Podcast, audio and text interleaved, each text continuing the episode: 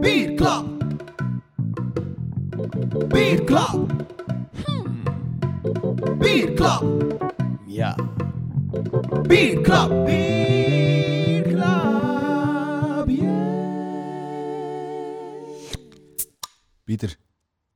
Sneller dan de vorige keer.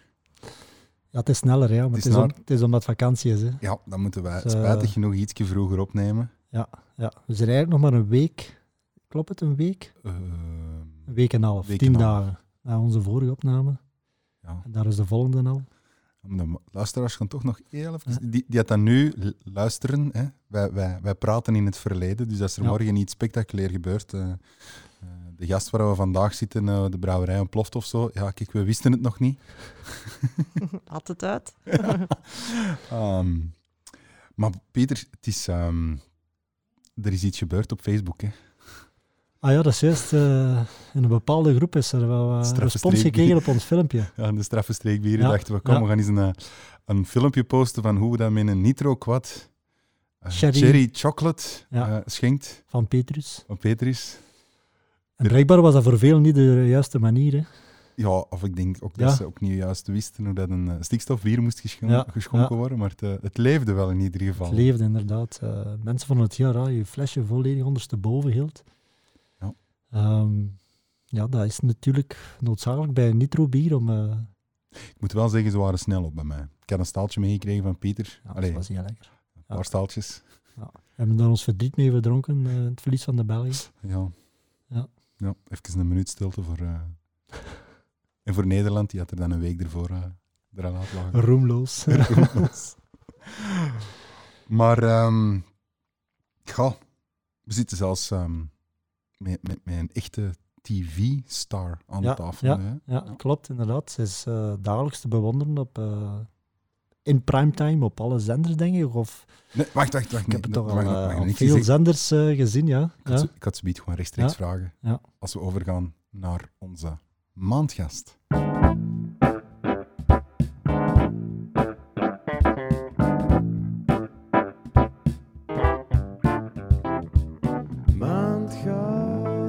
Maandgast.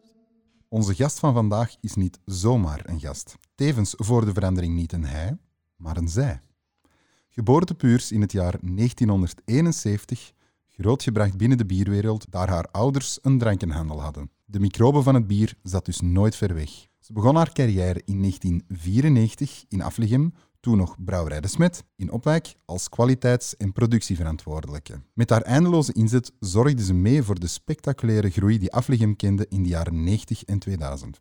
In 2010 nam ze de dagelijkse leiding van de site over van Theo Vervloed. Ondertussen was Aflichem onderdeel van Alkemaas en Heineken. In 2013 werd ze NPI-manager en sinds 2018 R&D-manager binnen Alkemaas. Deze dagen gaat ze door het leven als master brewer binnen de Heineken Groep. Welkom, Ellen Mertens, de queen van de Belgische brouwers. Wauw. Welkom eh, aan jullie, Jor- Jordi en eh, Ja. Pieter. Ja, ja kijk, we, hebben al, we hebben al godfathers van de malt Ja, gehad. Karel Dingemans is onze godvader van de malt. hè. Ja, en nu dachten we, ja, nu hebben we een queen van Ja. de Belgische bierbrouwers nodig. Ja. En we zijn op de, de site in, eh, in Opwijk, Ja, waar de aflevering wordt gebrouwen. ja. Dat is ook eh, een redelijk unieke plaats om de, die podcast hier op te nemen. waarom? Goh, waarom? Dat is, eh, Wat is uw een en al persoonlijke historie? een en al, ja, ik heb hier nog gewerkt. Hè. Ja. Dat was mijn eerste brouwerij. Dus ik, eh, zoals iedereen ondertussen al weet, ben ik gestart bij de malterij.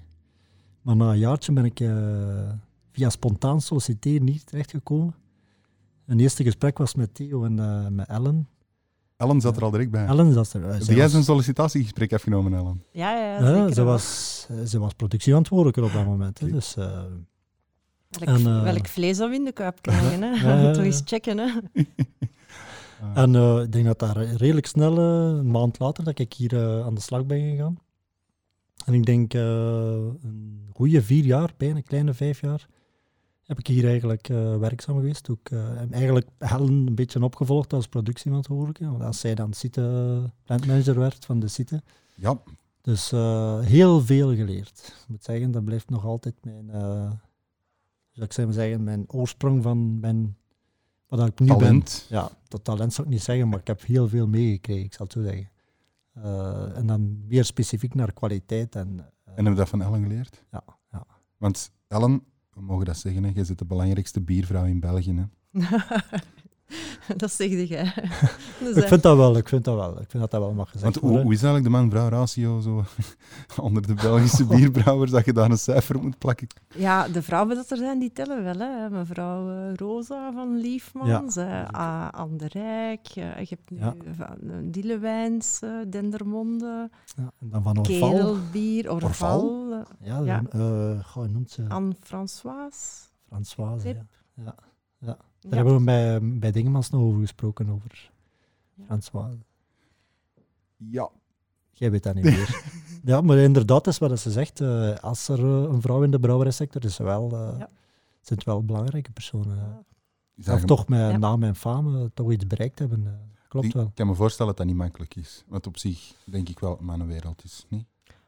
Goh, ik heb dat nooit eh, zo ondervonden. En ik moet ook zeggen, eh, ik ben hier begonnen, we maakten hier ook Celis White eh, voor Pierre Celis, Dat is de godvader of de Hoegaarde. de Hoegaarde. Oké. Die had een brouwerij in Austin, Texas. En, en de productie werd ook geleid door een vrouw. En op Hoegaarde vroeger had je Bernadette. Was ook een vrouw. Dus eigenlijk ja, Ja. was het ook niet. Maar voor de buitenwereld blijft het toch een mannenwereld. Hè. Ja, het is aan het veranderen, maar... is ja, aan het veranderen, klopt inderdaad. ja. En vandaar ook in de, in de, in de bierspot van Kristal in nu. Ja, wel ja, even terug. Ja, want, ja, eh, want je ik zit veel- maar eerst nog Pieter bedanken voor de mooie woorden. En, Ah, ja, eh, ja, ja, dat is graag gedaan. En eh, ja, het gevoel is wederzijds. eh, hè, Ja. Toen ja, je vroeg om een podcast Ja, te doen, ja, ja. spontaan dacht ik, ja, Ja. eh, ga ik vragen dat we dat in, eh, in Opwijk, in Ja, Daflig en te vragen, sorry, eigenlijk waren de eerste dat we aan dachten. Hè, van, ja, daar moeten we naartoe. Absoluut, ja. Klopt, stonden al lang op onze verlanglijst. En Ja. op zich stond er nog redelijk, redelijk snel op, denk ik. Ja, Dus, ja. eh, Ja, is dat. Aflevering 5. ja. Kijk ze, dank u en, eh, en welkom hier. Hè. Want, Welkom back. Welkom back. Ja. wa- wa- want uw functie binnen Alkemaas is, is brewmaster? Of? Ja, brouwmeester, innovaties en, eh, en ja, wijzigingen aan standaarden, nie- nieuwe ingrediënten testen, dergelijke. Dus alles wat niet standaard is. En ja, eh, een, een enorme samenwerking met, eh, we hebben de mouterij, we hebben Cidrerie Stassen. Ehm, we, ja, we doen heel veel export, dus een heel nauwe samenwerking met, met andere landen, met Heinekenlanden, Nederland, Frankrijk, eh, de belangrijkste twee om op te noemen. Ja. En ook Heineken R&D. Dus een hele nauwe samenwerking, want ja, wij, wij zijn ook een gemakkelijke site, of eh, een van onze brouwerijen, om testen uit te voeren voor Heineken R&D, om up te scalen of als het over Omdat het nog redelijk kleinschalig is, Omdat het kleinschalig is, ook Ja. eh, onze know-how hè, van verschillende, ja. van, van pils tot eh, zure, eh, spontane gistingsbieren. Ja, Ja, kleins- om een idee te geven, kleinschalig, één brouwsel is eh, 190 hectoliter of 19.000 liter. Ja. ja kleinschalig. Ja. Ja, want oké, Hier in Opwijk. Ja. Ja, ja, maar ik vind, ik vind, die, ik vind die hier ongelooflijk, want jullie, jullie doen... Ja, vorige week waren we- vorige week, twee weken geleden waren we bij de Brabanderen, hè, die met de magische grens van 200.000 eh, hectoliter speelden. Jullie doen dat hier bijna vlotjes maal twee, denk ik. Bijna, klopt, als ik dat zeg. Ja. En ja, hoeveel mensen lopen er hier, lopen er hier rond? Om de brouwerij er een getal op moet plakken? We kwamen op eh 12, 12, 13, 12, 12, 13. Ja, het is echt Zo. een productiesite hè, momenteel. Dus, eh, We hebben ge- geen afvullingszitten Ja. hier niet meer. Hè. Ja, Dus, eh, mhm. alles wordt gerooddenkerd. Want kun je, Echt. kun je misschien anders eens wat, wat meer vertellen over de geschiedenis van de brouwerij hier in Opwijk? Van, Ja. van waar dat ze komt en waar dat ze nu is? Dus eh, oorspronkelijk, de brouwerij was een familiebrouwerij, Brouwerij de Smet, die dat glorie gemaakt heeft in de jaren 50, 60 met het opheelbier, het eh, ja, Belgian-style eh, amberbier. We hebben ook op de expo gestaan in 58. 58, ja, ja. ja, ja. Ook eh, een prijs gewonnen. Ze zaten vroeger ook ja, op de ministeries eh, overal binnen in Brussel eh, met de opheel. Maar dan eh, ja, vanaf de opkomst van, van de pilsbieren in de jaren 60, 70 is dat eh, bier achteruit gegaan. Maar dan eh, gelukkig, eh, in 1970 zijn de paters van Afligem hier komen vragen om Afligem te brouwen. Dus eh, het, het laatste brouwsel is gemaakt geweest ja, net voor de start van de, eerste wereld, de Tweede Wereldoorlog in de. De Duitsers Ja, ja. kwamen weer al voor de zoveelste keer. Hè, het koper... eh, Dus tot de Tweede Wereldoorlog werd er in Afligem zelf ja, gebrouwen. in de abdij is tot in 1940, eh, ja, ergens eh, maart 1940 eh, gebrouwen geweest. Dat was het laatste brouwsel van, van vader Tobias, pater Tobias, in die tijd. En ja, abdij van, van is verschillende keren vernietigd geweest. Want als je dan zo op bezoek komt met mensen van Heineken Frankrijk of van Nederland, ah ja, we zijn vernietigd geweest door de Fransen in dat jaar. We zijn vernietigd geweest door de Nederlanders in dat jaar. En dan zijn de Duitsers nog twee keer langsgekomen. En, en dan zijn ze ermee gestopt eh, om te brouwen in, in abdij. En dan zijn ze eerst naar Antwerpen getrokken, brouwerij De Hertog. En daar is dan eh, eh, in het begin eh, Afligem gebrouwen geweest. En in 1970 zijn ze naar hier gekomen eh, met de vraag om Afligem te brouwen. Ja. En dan is inderdaad dus de, de vader Tobias, pater Tobias, heeft dan hier aan, aan Petrus van der Elst, de Ja, Peter, ja, Kennen we nog, ja. De- ook een oude gouden mens, die is ja. ook een podcast waard. eh. Eigenlijk wel, ja. Ehm, die, die heeft dan van eh, va- pater Tobias dan de recepten en de formula antiqua renovata, dus waarin neergeschreven staat hè, hoe dat de afleggen moet gebrouwen. In de zin van, hè, niet tot in het detail, maar in de zin van hoogste kwaliteit van ingrediënten en dergelijke. Mhm. Eh, dat de paters ook nog eh, inspraak hebben. Ja, is dat nu nog zo?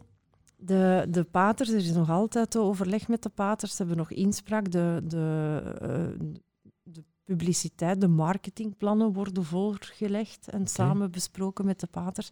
En natuurlijk, er worden royalties betaald. Ja, dat wou ik, dat wou ik net zeggen. Dus eh, Ja. als die een nieuw dak nodig hebben, dan... ehm, Ja, eh, ja. Of dan de Fransen eens langskomen. Laat, ah, dat is wel cool eigenlijk.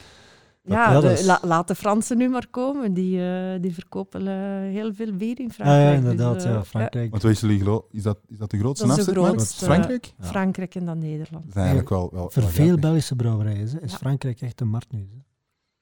Oké. Om volume te doen, daar raak je heel volume kwijt. En wat, wat, wat maakt Afligem dan, dan zo, zo uniek hè? tegenover... Hè? Want jij- dat wou we misschien al, al, al, later behandelen. Maar Oh ja, Afligem voor mij is heel uniek en ik heb het daarnet nooit gezien bij de rondleiding. Het blijft zo authentiek. Hè. Het is, Mhm. het is, hey, de manier van werken is nog exact, exact hetzelfde. We hebben nog eh, papieren zien liggen of Excel-files die Ellen 20 jaar geleden heeft opgemaakt. Ze worden vandaag nog altijd gebruikt. Dat, dat toont maar aan, denk ik, dat dat een, een enorme standvastigheid is, dat hier dag in dag uit op dezelfde manier echt naar topkwaliteit wordt gestreefd en dat dat ook altijd wordt behaald. Hè. Mhm. Dat, dat, dat vind ik vrij uniek. En, en in een bier, hè, je moet straks maar vertellen, dat, dat 20 jaar geleden een, een deciman was van het volume waar het er nu wordt geproduceerd. En toch is die kwaliteit nog altijd eh, top. Het is ook een global brand geworden van Heineken. Niet voor niks uiteindelijk. Hè. Het, is, het is een van de vijf grote merken in Ja. de wereld van Heineken. dat wou ik vragen, percentueel gezien, hoe zitten jullie qua, qua, qua merk, qua afzet van de totale Heineken-groep?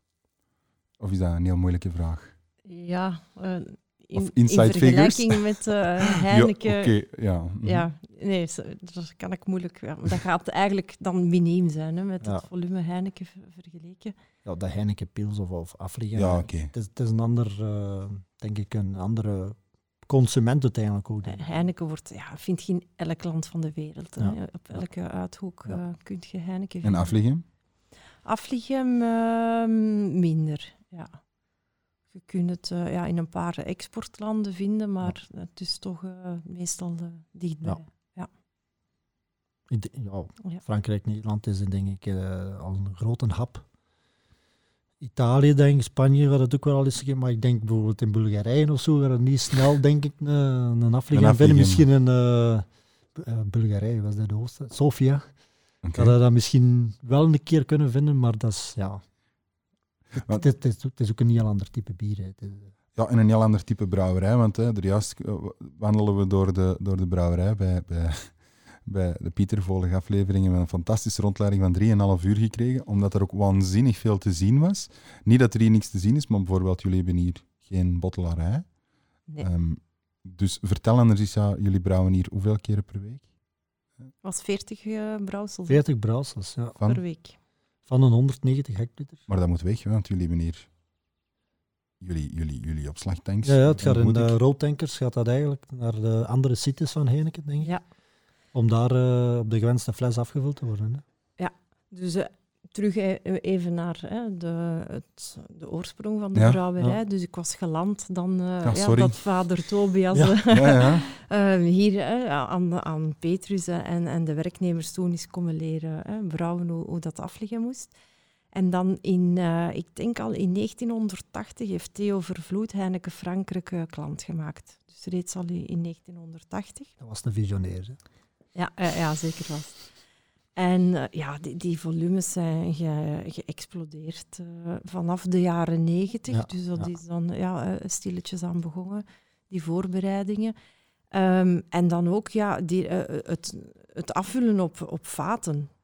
Ja, of dat dan nu hier gebeurt of in, in Frankrijk is het dan interessanter hè, om daar, hè, bijvoorbeeld, er is een brouwerij in Marseille Hm. van Heineken, dan wordt daar eh, aflig en blond afgevuld op vat. En dan wordt er een, een bulkwagen gestuurd met, eh, met bier aflig en blond en wordt daar dan eh, afgevuld op vat. Logistiek. Dat hè. veel. En we hadden hier ook een bottelarij, maar een bottelarij is zo investeringsintensief, vraagt zoveel veiligheidsmaatregelen Ja. ook, ja, dat er ook de beslissing geweest, gemaakt geweest is om ja, te investeren op één centraal punt in Alken. En daar wordt alles afgevuld dan. Of in eh, Nederland, in eh, Frankrijk, Ja. voor eh, hun eigen markt. was een logische stap eigenlijk, denk ik. Hè. Een grotere bottelarij of een nieuwe bottelarij zetten hier was eigenlijk onmogelijk. Ook. Terwijl dat we hier midden in het dorpskern zitten. Dat is, dat is eigenlijk ook eh, allee, Ja. speciaal, vind ik. Dat, dat zo'n brouwerij, zo'n volume hier midden in het dorpscentrum nog altijd kan geproduceerd worden. Dat is, dat is ook uniek. Dat maakt Afligem ook uniek. Eh, dus ja, Heel interessant. Ja. Ja, nee, absoluut. dus vind- dat is de, eh, maakt het Afligem uniek. Hè. Eh, want, want jullie hebben... Hè, want ik zit hier nu naar een kast te zien. Jullie hebben van afliggen waanzinnig veel varianten. Hè? Als, ik het, eh, als ik het zo bekijk. Vertel, vertel, wat wat is uw persoonlijke favoriet? Eh, mijn persoonlijke favoriet, ja, Van dat blijft hè? toch eh, de Patersvat nog. Ja. Eigenlijk de, vo- gezegd.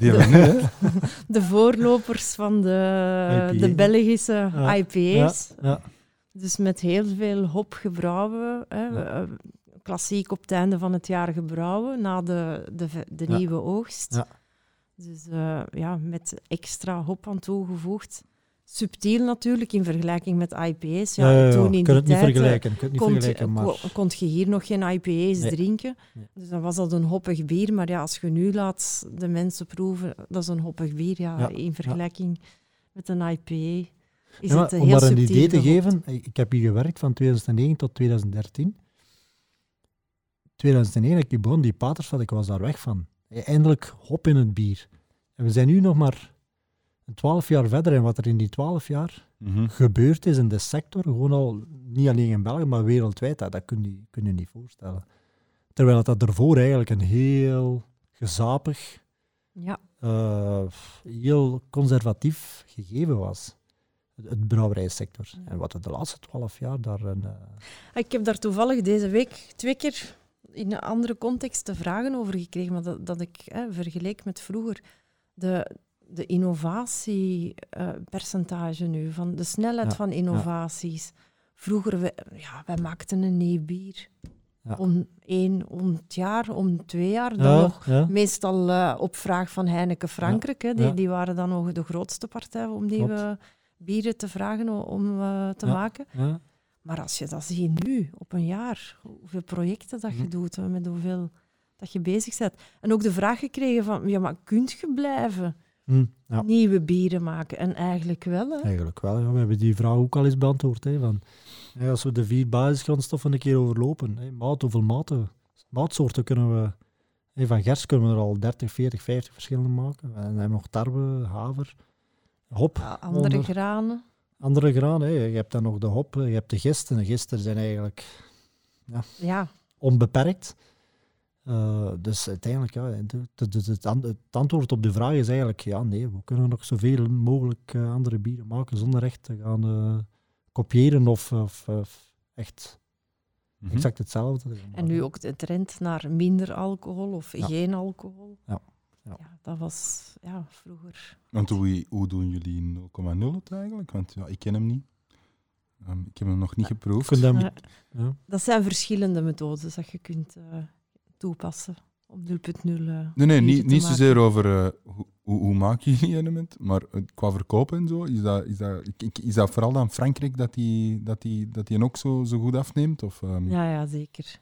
Ja. Frankrijk, Nederland, eh, andere landen. En ook in België. hè. Oké, België is, is zo vergelijkbaar met Duitsland. Ja.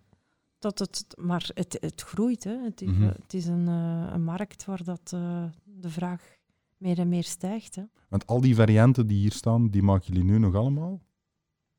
Eh, dan moet ik eens goed zien of dat we ze nog allemaal maken. Die dat hier staan, wel ja. Die dat daar in de hier- bibliotheek eh, Ja, in de hal staan, dat is al een archiefkast geworden.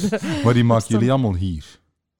Die worden allemaal hier gemaakt, ja, ja, ja. Anders zouden ze hier niet staan. Ik ga, ik ga er straks een foto van En- trekken. En de noppal, wordt die nog altijd eh, gebrouwen? Nee, de, Nee. Hoppa, de opal, dat is spijtig. Dus dat was echt het volume te klein Ja, geworden, dat het echt- gewoon niet meer Ja. mogelijk was. Dus Ja. Pieter, eh, als je het eh, wilt overnemen in jouw brouwerij, Wat deden die zo van Kunnen we volume? daarover Ja? Ja, dat was spreken. toch een eh 300, 400 hectoliter, dacht ik. hè? Eh, oh, oh, kunnen we eens babbelen. Ja, misschien als, als giveaway van de maand of zo. Ja, ja. ja maar ik, het is wel een, een type stijlbier dat terug, heb ik de indruk, terug een beetje meer ehm, ehm, Wat- wat- wat- wordt wat is- gewaardeerd. Wat is dat voor een stijl? Ik ken het niet. type palm in die Ah, richting eigenlijk. Maar, maar zo de, ja, de, de kleur zelf eh, merk ik dat, dat bij veel mensen wel iets, iets positiefs oproept. Zo dat, dat licht oranje, eh, licht bruine. ehm, merk ik eh, bij de magma. Het eerste Mhm. antwoord, bij, ik ga nu weer over een troubadour magma beginnen. maar veel mensen, oh, schone kleur, schone kleur. En dat is inderdaad een, in de, de laatste decennia wel wat uitgegaan, zo die amberkleuren. Het is blond of, te- of het is donker. En die amberbieren krijg je er toch iets meer, eh, terug meer aandacht. En ja, ik merk toch dat er een revival op komst is.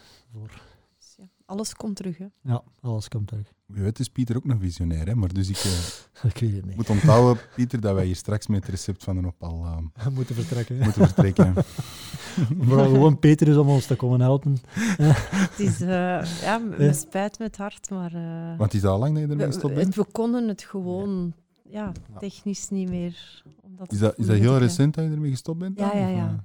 Dat is eh, een paar maanden geleden Oké, gestopt. dus Ja. alle mensen die nu nog een opal in hun, eh, in hun ijskast hebben staan, of in hun welder, kel, bierkelder, Ja. dat is een collectors item geworden. Bij jou. Ik heb er ook nog zo'n collectors item in mijn, eh, in mijn, in mijn ijskast liggen. Ja, wat hè? Die, een, eh, die sterke Cara variant. Goh. Wat Wat- noem je? Majeur? Nee, dat is iets anders. Nee, ehm, Dat is niet alcoholvrij. hè. Niet in alcoholvrij, hè? Nee. Ja, dat is ondertussen. Ik heb, iemand heeft me dat ook al gezegd. Je hebt ook al eh, een collectors item in je ijskast liggen van Ja. Cara-pils. 8,5 procent. 8,5, ja. ja. Ja. Cara-pils. Ja. Tof, hè? Ik heb hem geproefd. Ik vind dat, vind dat noodzakelijk wat om te proeven, ja. Kijk. Moet alles eens geproefd hebben. Voilà, absoluut. Ehm, Misschien nog wat meer over Elke Maas ook, hè, want Ja. uiteindelijk Afligem is een deel van Elke Maas. Want het is niet alleen Afligem dat bij Elke Maas zit, Mhm. eh, maar ook Koppegem, eh, de Morsebiet. Ja. Die zitten er al langer bij? Of, of, eh, Ehm Morsebit is ook pas in de jaren tachtig hè, overgenomen door Alkemaas. En dan, ja, Alkemaas is de samensmelting van Alke en, en dan Maas. Mhm. Dus er was vroeger ook de brouwerij in Waarloos, Maaspils. Maar dan ook ja, is er gekozen geweest om op één plaats te investeren. En dat was eh, in Alken, Alken, ja. waar dan nu de, de grote brouwerij... eh, Want de andere site van uh, Morseby, dat is hier niet zo ver van. Hè. Dat is Nee, eh nee, Koppigem. dat is hier tien minuutjes Ja, ja. rijden. en welke, daar gaan we echt over spontane Dat is vergistingen eh, uitsluitend spontane vergisting. Moeten we ja. daar soms naartoe? Ja. Als R&D-manager? Voilà. Want wat zijn zo wat de sites die daar in je portfolio zitten waar je regelmatig moet bezoeken? Goh, eh, ja, je mocht eh, ervan uitgaan eh, in de week hè, dat ik ja, nu gelukkig terug ook naar het hoofdkantoor in Mechelen eh, kan gaan. Dus daar was ik vandaag. Eh, maar een dag uh, Koppigem-Opwijk gecombineerd. Eh, op woensdag eh, is zo de, de vaste dag om naar Alken te gaan. Eh, dan heb je ook nog de mouterij, de ciders. eh, en, en ja, binnenkort zal het ook terug meer mogelijk zijn om naar Nederland en Frankrijk te gaan. Ideaal voor in uw auto een podcast te luisteren. Ja, voilà. Want ja, we- je kende het niet, hè? Ja, Nee. je hebt er al wel eens van gehoord, maar ik heb je op uw iPhone het Ze- podcast-appje moeten aanduiden. De volgende keer als ik een lange rit eh, Ja. ga doen, eh, ga ik er zeker naar luisteren. Nu, ik, zie, ik zie ook nog wat Brussels Beer Challenge prijzen staan. Hè. Waarom herken ik die direct? Omdat wij er zelf twee hebben. Ja, Eh, twee, ja. Ja. Va- Van, Maar welke- niet alleen Brussels Beer Challenge, hè, de Ja, ja, Euro- ja. European Beer Awards. Eigenlijk vind ik persoonlijk nog altijd de referentie. eh, samen met de World Beer Cup. En eh, ja, je kunt ze niet tellen, hè. het zijn er zoveel. Voor welke Eh, specifiek zijn die? Of staat dat gewoon zijn dat van alle mogelijke stijlen die Blond en de triple, denk ik vooral. eh, Ja, een dubbel. En, een dubbel, ja. Watersvat, Dus, eh, we hebben al ja. eh, Vrij recent, hè? Ik zie- ook allemaal, Ja. 2018 ook al. dus dat staan, zeggen we dus- ook, een van onze tradities is eh, ja, dat we prijzen prijzen winnen. winnen. hè. Ja. Want achter jou was vroeger onze Wall of Fame. Was allemaal eh, de certificaten dat er. Ja, hingen. ja, ik wou Ja. zeggen, ik zie alleen maar... ehm, Foto's foto's. van wolken hè, achter de tanks. Nee, maar inderdaad, eh er hing een serieuze Wall of Fame. eh. ja, En die wordt jaarlijks bijgevuld. ja, kijk. Toch ongelooflijk dat, dat een brouwerij dat kan aanhouden. Hè? Ook al, dat moet toch zijn dat daar goede mensen achter zitten. Hè? Hè? Ik kijk niet naar mijn eigen. ik kan je zeggen. Ik heb hier maar vier jaar op mijn broek versleten. Ah, hij heeft zijn broek versleten. Ja, oké. Ja, ik vind het super cool. Ja, ik vind ik ben het nog altijd frappant vinden dat er hier... Allee, Zo weinig mensen Ja. werken en zoveel wordt gebrouwen. ja, dat is echt... Ja. eh, Ja, het is natuurlijk ook hè, de, de vooruitgang, de digitalisering, automatisatie. daar, daar zijn we enorme stappen Ja. in, in Ja. aan het maken. Dat is ongelooflijk. Ja. Ja, dat is zo. Welke dat projecten ja. dat er allemaal lopen. Ja. Om, eh, ja, Nog tien jaar, we zitten thuis achter ons scherm. ja, dat wou ik mij vragen. Is dan er zo'n... Bij COVID-28 Ja. zitten we thuis eh, te brouwen eh, hier. Ja. Ja, er moeten nog altijd wel eh, ingrediënten in de tank gedaan worden. Hè? Dat zal allemaal automatisch gebeuren. Ja. Ja, Cool. alles is mogelijk. Maar het blijft natuurlijk een levend proces. Hè. Mhm. Je moet kunnen bijsturen, ja, dat Ja. klopt inderdaad. Ja. eh, De, de gist, ja. vooral de Stop. gisting. Het is niet een knop zoals Nee, in, nee. in een fabriek Nee. dat je kunt afzetten. Hè. Dat- het blijft eh, doorgisten. En dat is mij altijd heel eh, fel bijgebleven. En dat is ook het, de grootste plus dat ik hier heb geleerd, is eigenlijk... En dat was Petrus, hè, de oude brouwmeester, die kwam elke morgen en s'avonds kwam die alle tanks meten. Is dat nog altijd die... eh, dat is niet die persoon waar je er juist over sprak, hè? Ja, Petrus, ja, Toch? die hier eh, vlak eh, naast de brouwerij woont. Hoe wat is al in de 80, denk ik? Ik denk dat hij onlangs zijn 60 jaar dienst heeft Ja, gevierd. Dan gaat Dat hij inderdaad... Ik denk niet dat je in België veel mensen gaat kunnen vinden Nee. dat eh 60 jaar in dienst. En die komt, wat komt hem doen? Ah, wel, dus die komt de bieren meten. Dus die komt zeggen, die komt meten, die komt de staal nemen van de gistingtanks, van hoe ver zit die gisting, hoe is de temperatuur. Hè. En op basis, dat, dat, is gewoon ja, de, de kennis dat hij over heel de jaren heeft opgebouwd, die wist gewoon, ah ja, oké, ik moet een klein beetje gaan afremmen, of ik mag hem een beetje laten gaan. En die bieren, die waren tot op de dag, zelfs tot op het uur, dan is die uitgegist. Dus die kost die gistingen zo sturen, en, maar ook gewoon al aantonen hoe belangrijk het was om die gisting van dag 1 tot het eigenlijk dat hij uitgegist is op te volgen. Want op, op zich, een afleggingsgist is een goede gist, maar ook niet de gemakkelijkste. Dus je moest hem wel wel altijd goed in, in goede banen leiden, zeg maar zeggen. En dat heb ik altijd bij mijn andere brouwerijen en daarna, na Afligem, altijd gezien van dat veel brouwers er eigenlijk te weinig aandacht aan schonken. En dan kreeg je soms gistingen die niet uitliepen of, of, of te traag. Of... kwam altijd op hetzelfde neer, hè. meten is weten en, en, en, actie ondernemen en, en een nieuwe gist kennen. Hè. Dat, is, dat is nog het belangrijkste. Hè. We weten wat uw gist doet. Hè. En dat, dat, daar verschiet ik soms van hoe, bij, bij andere brouwers van, ja, maar we weten dan niet dat hij dat en dat doet, of dat hij daar gevoelig aan is, Eh, of dat hij dat. dat Het belangrijkste is happy yeast. Hè. ja, happy yeast, ja. Je Happy moet hem tevreden houden. Ja. Ja. Dat klopt inderdaad. Je moet Hem hem, sterk houden, je moet hem eh, in de goede Ja. omstandigheden brengen. Ja. Dat is ook iemand die daar fantastisch over kan vertellen. Hè. Over zijn gist. dat zijn zijn kinderen, hè, zijn die gist. Zo vertelt hij daarover. Alle hè. dagen. Ja, blijkbaar komt hij hier toch. Ja, alle dagen, Dus- weet je niet, maar het zal... Verminderd. Ja, de mens is ook al 80 jaar misschien ondertussen. eh. Nee, nog, zo oud nog niet. eh, maar Dat zal Ja. toch niet veel schillen, hè? Allee, als hij al 60 jaar dienst heeft. Allee, Ja. Oké, ik kom misschien Ja, aan. Hij in die tijd... heel- In die tijd gingen die op 12 jaar Ja, al werken. dan, dan sleurden ze zakken van bij Ja, Dingemans van 100 kilo. 100 kilo op de schouder, vijf verdiepen. Ah, vijf verdiepen. Ja. Drie verdiepen omhoog. dat was een test vroeger. Ik weet niet of dat ze Ja, dat bij dat- u gedaan hebben. Nee, bij, bij mij mij niet. durven ze niet. Maar de, de, de nieuwe ingenieurs die kregen een, een zak van 50 kilogram of 80 toen ja, ook nog, 80 nu, ja. naar hun gesmeten. en dan vielen die meestal om. Met mij hebben ze dat niet durven doen, blijkbaar. Ja. En dan heb ik gezegd, dat, dat doen we niet meer. jij dat gedaan, schaffen we af. 50 kilo wel, eh, maar dat was al ook zo kramiekelig. Liftje toen nog. eh, maar echt omhoog gedragen, nee. 50 kilo. Vervlogen tijden. Ja. ja. Mag niet meer verpakt worden, denk ik zelfs in 50 kilo. Nee, maar, ja, toen ik jij er nog niet, want Karel had nog gezegd 25 is nu de... Ja, ja, maar toen was dat nog wel. Tien jaar geleden was Al 50 die- kilo nog de gangbare praktijken, maar, eh, maar dat is, een sleur, dat, is, dat is een lomp gewicht. Hè. 50 kilo mout. Zwat, straffe verhaal. Ik vraag me trouwens af of dat er ondertussen al wat mensen die naar de podcast luisteren bij de, bij de Karel onze poort hebben gestaan voor die mout op te halen. We zullen het hem eens moeten er terugvragen vragen. op de recall. Ja. Oké. Ik heb...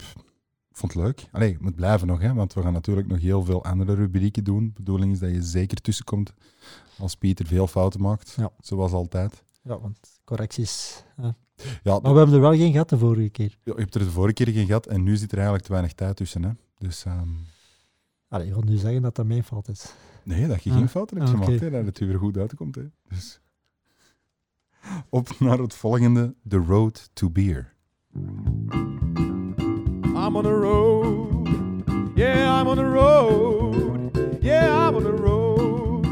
Yes, I'm on the road to be. Yeah. Road to Beer. We hebben al gefilterd, we hebben al gemaischt. Eerst gemaischt. Hè. Ja, we hebben, Twee ja, keer, ik, maar ik dacht, ik dacht het in eh, in niet chronologische, Ah, maar afloop, ja, nee, is ja. dat aflopende volgorde te zeggen. Maar bon, je zit me voor. Maar dan gaan we nu over naar het filteren. Eh, ja, het filteren, het koken. Oei, er waren er al bij die, die schrik kregen. Filteren 1.2. Filteren, ja, filteren 2.0. Hier gaan we. Nee, Ehm, koken. Ehm, je hebt mij in de auto gezegd, ja, kijk, dat gaat ehm, versie 1 van de 10 worden. Zeg, Goh. want er valt zoveel Ja, over te zeggen. ja, ja. Dus eh, luisteraars, het komende uur zal Pieter nee, jullie... nee. Nee, nee, nee. We, gaan, we het inderdaad over koken hebben. En eh, koken is een, ik noem dat eigenlijk meer een noodzakelijk kwaad. Hè. Ehm, koken, ja, het is, het is energieverslindend. Eh, als je weet hoe lang dat we gaan koken, dat zal ik straks zeggen, want het duurt wel even.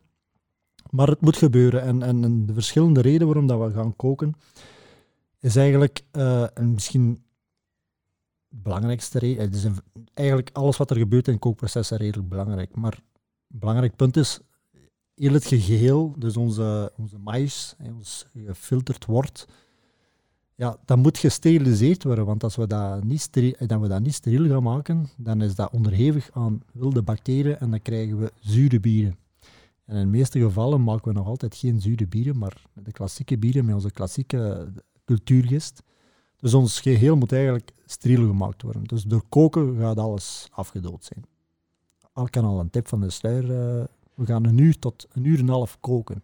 Dus als ze u een uur, een uur en een half zouden koken, is dat ook niet veel meer van overschieten. Hè. En dat is voor die bacteriën die er dan zouden in zitten juist hetzelfde. Hè. Mhm.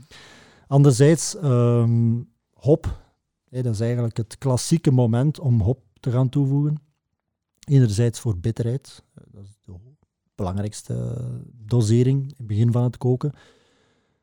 En meer en meer, eh, vroeger werd dat zeker ook al gedaan, naar het einde van het koken, dus late hopping noemen we dat dan, om meer voor de aroma's. Hè. Dus eh, hop geeft zowel bitterheid als ook aroma's. Hè. Je hebt nog wel verschillende variëteiten. Sommige variëteiten geven meer, of worden meer gebruikt voor bitterheid, en andere variëteiten worden meer gebruikt voor aroma's. Er zijn ook, beide, er zijn ook hoppen die beide doen. Maar het gegeven van bitterheid is eigenlijk, um, dat gaan we ook wel nog eens in een podcast, maar eigenlijk die hopbloem, dus het is een hele kleine fractie, de, de lupulingkorrels, dat is eigenlijk een, soort hormonen dat daar aanwezig zijn, die bevatten alfazuren. Die alfazuren die hebben geen bitterheid. Die geven geen bitterheid, maar die moeten omgezet worden naar isoalfazuur. En daar komt het punt ook dat, dat we moeten gaan koken om die omzetting van alfazuur naar isoalfazuren te gaan doen. Dus dat is eigenlijk een, een van de belangrijkste redenen. Willen we bitterheid van hop krijgen, moeten we koken. Want dat is eigenlijk een heel moeilijk omzetbaar proces. Maar dat we dat koken, dan is, want dat rendement bijvoorbeeld van die omzetting is maar rond de 25 procent. Mhm. Dus dat is heel laag. Dus koken is daar eigenlijk heel noodzakelijk voor om bitterheid te creëren. Anderzijds willen we ook aromacomponenten die niet zo um, gewenst zijn in ons wort, er gaan uitstrippen, noemen we dat. Dus die moeten gaan verdampen. En dat kunnen we dus tijdens het koken doen. Als we veel damp en stoom, uh, dan, kunnen we eigenlijk die ongewenste componenten, meestal afkomstig van de mout, daar gaan uitstrippen. Uh, een mooi voorbeeld daarvan is, ik heb het er al regelmatig gezegd als hobbybrouwers naar ons komen. Het spijtig genoeg komt het regelmatig voor bij hobbybrouwers, is DMS. Ja, DMS, de, ja. de groentegeur. Uh, en dat is eigenlijk ja, meestal te maken van één, te weinig verdamping of niet intens genoeg gekookt. Dus um, dat is dus belangrijk, want niemand, eh, Ellen, zwaar, hè, DMS, dat is iets niet wat je in je bier wilt. Toch niet als het, de concentratie nog te hoog ja, is. Als uh, sommige concentraties dat niet merkbaar is, kan dat iets bijdragen. Maar als het merkbaar is, is het redelijk storend. Ja, we hebben er al een aantal uh, geproefd ondertussen ja, waar het inderdaad kenbaar en, is. Um, dus DMS dus, is daar een voorbeeld van om ongewenst uh, andere componenten zijn aldehyden, maar dat ga ik te veel technisch gaan. Maar, mm -hmm. hey, um, die moeten er eigenlijk uit. Anderzijds is het ook zo dat we dat brouwers uh, ook uh, een bepaalde verdamping willen creëren om een wort te gaan indikken. In die zin naar een gewenste concentratie van plateau te gaan. Mm -hmm. Een gewenste concentratie van suiker. Hè. Want we kunnen iets meer uitwassen, maar dan hebben we te licht bier, dus we gaan een beetje uh, water gaan verdampen en dan worden we terug, ons wort denser en dan kan het op concentratie gebruikt worden. Ik denk dat dat in grote getalen min of meer de, de functie zijn van het koken. Ook nog eens enerzijds het, het afdoden van de enzymen die we gebruikt hebben in onze beslagketel om, om suiker te maken van onze zetmeel. Die worden daar in de kookketel ook afgedood. Welke, welke temperaturen zitten we? Meestal, want ja, koken is, koken is 100 graden, graden ja. maar um, we proberen ook wel... Um, we proberen, uh, dat, is, dat hangt ook weer van uh, brouwerij tot brouwerij af maar mijn ervaring leert altijd wel. Uh, enerzijds is er een trend, economisch gezien, om minder lang te gaan koken en minder intens, om, die, om die, die kosten te gaan drukken. Maar met mijn ervaring leert daar toch wel dat dat toch wel een gevaarlijke zone is, omdat er, ja, vind ik altijd wel merkbaar is achteraf aan het bier, als het minder lang gekookt heeft of minder intens. Uh, als ik mijn bieren persoonlijk brouw, ik kan altijd koken in twee stappen. Ik kan een hele intensieve stap hebben, waar ik probeer naar 101, 101,5 te gaan. Min of meer een broeihaard creëren, waar, dat, dat componenten kunnen gevormd worden. En daarna heel veel verdamping creëren, zodat alles eruit gaat. En op die manier, het negatieve daarin is dat je, dat je wort meer hittebelasting krijgt. Naar latere stabiliteit van je bier in functie van de tijd, is dat iets gevoeliger, gevoeliger dan dat je minder hard kookt. Uh, dat is ook weer heel technisch, ja. maar, maar het, het, verklaart wel veel dat het een, een, kritische stap is naar de finale smaak van een bier. Uh, ook die, die, die rendementen van die hop dat we toevoegen, dat kookproces, die bitterheid, als daar het niet goed gaat, of je rendement is lager of te hoog, dan gaat dat merken in je finaal bier dat je bier bit- te bitter is of, of, of net niet bitter genoeg. Of een leedhopping is niet goed gebeurd. Waar zijn die aroma's? Of, of, of ze zijn er te veel aanwezig. Ja, het is, het is een... een eh, Het is streven naar eh, ja, het beste evenwicht, hè, qua Ja. tijd en qua het functionele. Ja. Ja, wij bijvoorbeeld in Alke, wij doen dan ook de recuperatie, hè, eh, de stoom. energierecuperatie, ja. Oké, ja, vertel er maar eens maar dan meer maken over. we warm water dan, hè, warm water dan eh, om te gaan brouwen.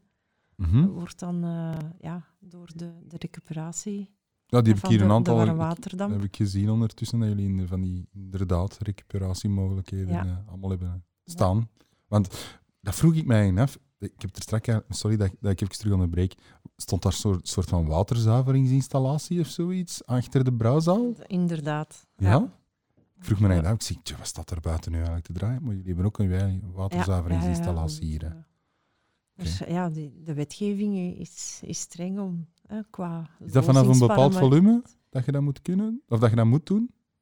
Ik denk dat dat meer met milieuklasses te maken heeft. Van, eh, Uw, uw, milieu- uw vergunning, hè, exploitatievergunning. Ja. ja. Oké, Pieter. En daarnet was je aan het vertellen van het koken van eh, de, de enzymen worden de, geïnactiveerd. geactiveerd, ja. En eh, wat dat er dan ook nog eh, belangrijk is aan het koken, is de, de eiwitvorming, want enzymen zijn ook eiwitten. Dus dat je dan de warme troep gaat maken. Ja. En dan in een latere fase, dat wordt dan ook een onderdeel, de, de lagering veronderstel ik, dan ga je de, de koude troep maken. Dus wat, ja. Ja, klopt inderdaad. eh was ik, eiwitbier. hier een belangrijke... en eigenlijk, de straf dat ik dat... dat, ik dat Troep, wacht, niet, troep. ja, troep. is Troep. eigenlijk een, een verzameling van gecoaguleerde eiwitten. En gecoaguleerde eiwitten zijn eigenlijk eiwitten die gaan samenklitten. En dan een wordt dat beetje één te groot ge- vergelijken als je een eitje gaat koken, eiwit. Ja. Dat stolt, dat Ja. wordt hard. En eigenlijk gebeurt dat ook eh, op kleinere schaal dan in, eh, in de kookketel. En dan noemen ze troep. Oké. Troep, ja. We hebben altijd gewoon een woord, hè. Troep, draf. Ja, Draf of bostel. hè. Bostel, ja. ja. Nederlands en Heineken, Bostel. ja. ja Bostel. Ja, oké, man. Dus. Dus inderdaad, tijdens het koken is het wel hier belangrijk. eh, willen we finaal ehm, een bier hebben dat, dat, we, dat visueel een, een mooie klaarheid heeft, is het belangrijk. Dan, er zijn, in onze mout zitten ook eiwitten in. En bepaalde eiwitten zijn belangrijk voor ons schuim. En andere eiwitten zijn minder interessant, omdat die later eigenlijk een hele nare actief, eh, neveneffect kunnen gaan krijgen. En dat is dat vlokvorming of troebelvorming. Eh, voor sommige bieren willen we troebel. dat soms hè. nog, hè? Eh, willen we troebel, dat is, dat is weer iets Dan anders. gaan we ook minder koken. Gaan en dan we gaan ook we minder zachter koken, koken, inderdaad. minder intensief koken. Voor, voor wit bier willen we een beetje Ja. oplosbaar eiwitten mee eh, in ons gistingtank.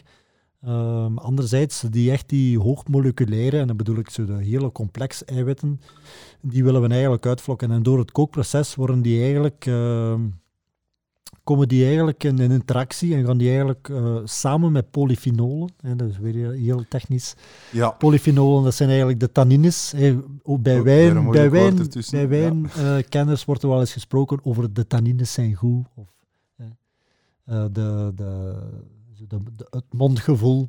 hè. De, bij rode wijn is dat vooral Mhm. de tannines. Eh, bij mout zitten ook in, en het, het Hombolse zitten ook tannines eh, of polyfenolen in. En die gaan eigenlijk een interactie aan tussen die eiwitten en dan krijg je complexen en die gaan uitzakken. Eh, dat heeft vooral In de hop. De in de hop. zitten ook heel polyfenole tannines, dus die, die interageren eigenlijk allemaal met elkaar. Dus dat is, je, hebt dat bij ons thuis ook al gemerkt, als we een brouw zijn en we gaan uiteindelijk wortkoelen, wat er blijft zitten, dat zijn eigenlijk die gecoaguleerde eiwitten met tannines van mout of van de hop. En dat is goed dat die daaruit zijn, want die willen we niet meesleuren, want dat, vervuilt onze gerst. Dat, dat kan eigenlijk een slechte bitterheid geven, dus die astringentie later in ons bier. Dus we willen eigenlijk de fijne bitterheid daar enkel over eh, houden in ons bier. Dus eh, dat is een heel belangrijke dat die eiwitten eh, daar. Het is een heel complex verhaal. Je kunt daar ook geen eenduidig eh, antwoord op geven wat daar allemaal effectief gebeurt. Het is ook heel type bier afhankelijk, eh brouwzaal afhankelijk. eh, hoe intens dat je kookt, wat dat je er eigenlijk allemaal mee doet, eh, dat is... Dat is niet elke brouwer weet exact wat er allemaal in die ketels gebeurt. Het is raar om te zeggen, maar er zijn nog altijd dingen die in die ketel gebeuren waar we nog altijd niet echt goed weten wat er effectief gebeurt en of wat daar een impact op kan hebben. Dus, ehm, het is allemaal delicaat. Hè. Je Ja. moet echt allemaal eh, ja, heel goed checken. En, Ja, en dat zien we zeker ook met, met nieuwe moutoogsten. Dan zien we dat ook altijd, dat daar, dat daar soms in verschillende Ra- oogstjaar, rare dat daar dingen eh, gebeuren. rare dingen, dat zou ik niet durven zeggen, maar, maar dat, dat je wel ziet van, tja, er wordt veel minder troep gevormd, of, of net veel meer. Ehm, ja, elk eiwitgehalte van de mout is elk jaar ook anders. hè. We hebben de laatste jaren redelijke lage eiwitgehaltes gehad, en dan merkt dat ook finaal naar je bier, moet daar extra voorzichtig mee zijn, dat, dat, je, ja, dat je nog sch- schuimeiwitten, noem ik dat dan, overhoudt om je schuim stabiel te houden. Ehm, ja, en nu is de witgehalte weer al hoger. Dus Ja. dat, dat is ook de uitdaging van Ja. de brouwer. Mhm. je, je moet constant bijsturen op de grondstoffen dat je binnenkrijgt. Hè. Klopt, inderdaad. En En, en, en, en heel dat, eh, dat koken en eiwitverhaal is vooral belangrijk voor de heldere bieren. Hè, voor de ja, kraakheldere bieren. Dat je specificaties hebt van troebel. Ah, ongefilterde bieren, ja. Ja. Een beetje meer of minder troebel, dat maakt niet uit. Maar ja, voor eh, heldere bieren kan Ja. dat serieus parten spelen en eh, Klopt. een kopzorgen geven om uit Ja. te pluizen en te zoeken. Ook weer, Nee, eh, een, dat is weer een heel andere topic, maar eiwitten en, en draaihopping is ook een heel apart verhaal. Hè. Eh, eh, ik, heb, ik heb daar persoonlijke ervaringen mee, dus eh, zware bier en dan draaihoppen en dan finaal in de fles van oh, wat is hier gebeurd? Dus een vlokvorming, dus die coagulatie die we eigenlijk in onze kookeel en niet eens in onze fles. Omdat daar ook weer een, een, Komt veel eiwit- voor eigenlijk wel, hè? Allee, ik merk Maar dat wel, er zijn oplossingen voor. Hè. Ik had die nu niet. Nee, nee, eh, dat zijn niet. ook wel wat brouwersgeheimen, die oplossingen. eh. Nee, nee, maar ik Maar- merk dat zelf ook wel. Allee, allee, correct me if I'm wrong. Ik, ik, ik ben wel zo de fan van zo de kleine biertjes, de craft dinges. En soms eh, het schenken... ehm, Eh, ik weet dat meer aan eh, een, een, de overdosering van hergistingsgist. dan echt om, om te zeggen, de, de, maar, maar vlokvorming ja, kan ook veelal te maken hebben met zuurstof. Ja. Eh, dat versnelt de vlokvorming in de finale in de fles. Eh, maar draaihopping is, is, ook, eh, is ook, ook niet echt, eh, zou ik zeggen... er, er gebeurt ook iets met eiwitten die nog overblijven in uw bier en de draaihopping. Er gebeurt iets. En, En de polyfenolen van de hop, hè. complexvorming. ja, ja, Ja. Sowieso. Dus eh, moeilijk eh, gegeven. Oké, los van dat, koken. Ja, ik denk dat ik... Oeh, je, je zegt dat je, dat je tien afleveringen ja, maar ik wil het ook nog, nog hapbaar houden. Ja. Ik, vind, ai, ik, heb, even de functies uitgelegd van, Ja. de- van het koken en wat, wat het doel eigenlijk van is. Maar dat zijn eigenlijk de hoofdzaken. Dus, maar het is een heel belangrijk proces, maar een, dat, dat wel een impact heeft op de finale bier, eh, smaak van het En dus een tip voor een hobbybrouwer, waar we al een aantal keer hebben gezegd, Ja, kook langer. Ja, langer koken en intensiever. Mhm. Ja. Ja. 100 graden, anderhalf uur. En dat is ook weer, om daar even op die trend terug te komen, je, je merkt bij, ook bij, bij de bouwers zelf van installaties, dat ze de laatste decennia wel meer streven naar energierecuperatie en dergelijke en proberen minder te koken. En maar je merkt dat wel, dan toch een deel van die brouwers daarvan afstappen. Zeggen, ja, het is toch niet, toch niet dat, dat minder intensief koken en dat, dat merk je wel. Dus en iedereen is ervan overtuigd dat dat altijd... Ik weet dat ze bij InBev er een eh, heel groot project hebben eh, gemaakt over intensiteit van koken en dergelijke. Zij, ik kan dat wel even toelichten, denk ik. Doe maar.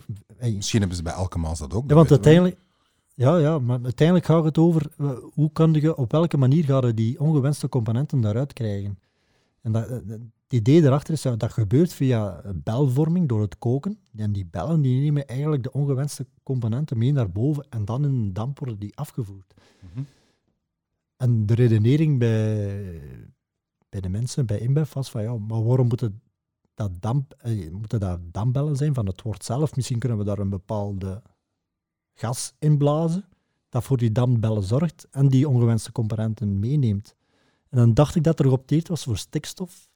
Dat is ontwikkeld eh, Ja. bij- door Freddy Delvaux. Hè, Ja, ja. op dus het, die eh, bier- door, door, stikstof en dan een veel lagere temperatuur dat er dan wordt eh, gewerkt.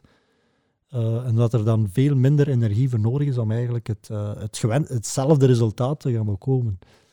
Ehm, Ben Elke Maas ook mee bezig? Inside info. ja. Sorry. Laat ons zeggen dat... eh Het is een bekende methode. voilà. het is eh, niet ongekend. Ja. Ja. Cool. Maar ik heb mijn twijfels bij het maken van speciaal bier met die methode. Voor pils denk ik en dergelijke geloof ik er misschien wel, maar voor speciaal bier heb ik mijn Waarom? twijfels. Omdat ik denk dat een, een deel van de smaak van een speciaal bier ook door het, het intense en het, en het eh, complexe of langdurige kookproces wordt gemaakt. Dat is mijn, Akkoord, Ellen? mijn mening daar eigenlijk over. Ja, eh, je, je moet alles testen en... Even, even, Ja. even weer al off topic. Brouw je zelf soms ook? Alblieft. Brouw je zelf soms ook? Ehm, soms meevolgen, maar zelf Maar het is niet dat je thuis zo ook iets hebt staan voor ehm, een triple Ellen. Momenteel nog niet, nee, nee. Maar ja, Ja. kijk, als ik eens terug wat meer tijd krijg, Ja. dan, eh, Dat kunnen we maar altijd dan goed. denk ik wel dat ik daar eh, Ja? terug mee eh, aan de slag ga. Als de Ja. kinderen buitenshuis. Maar kijk, ik ben dag in dag uit met nieuwe bieren bezig. Dus Ja. Oké. ik, eh, Goed. ik heb het geluk daarmee mogen bezig te zijn. Ja. Dat zeg ik ook altijd tegen u, Jordi. Wil bezig zijn met het bier, ik wil niet met al de rest bezig zijn. Ja. Wat in een brouwerij moet gebeuren, verstaan je? Mhm. Eh, Verkopen en wat weet ik wel. Dat doe ik. en- en- De dirty jobs. Ja. Ja, Ik wil met het product bezig zijn. ieder zijn job. Ja. Oké. Dan is het hoog tijd voor mijn persoonlijk hoogtepunt van, eh, van deze podcast. Ik zet dat elke keer opnieuw. Hè. Voor het bier van de maand.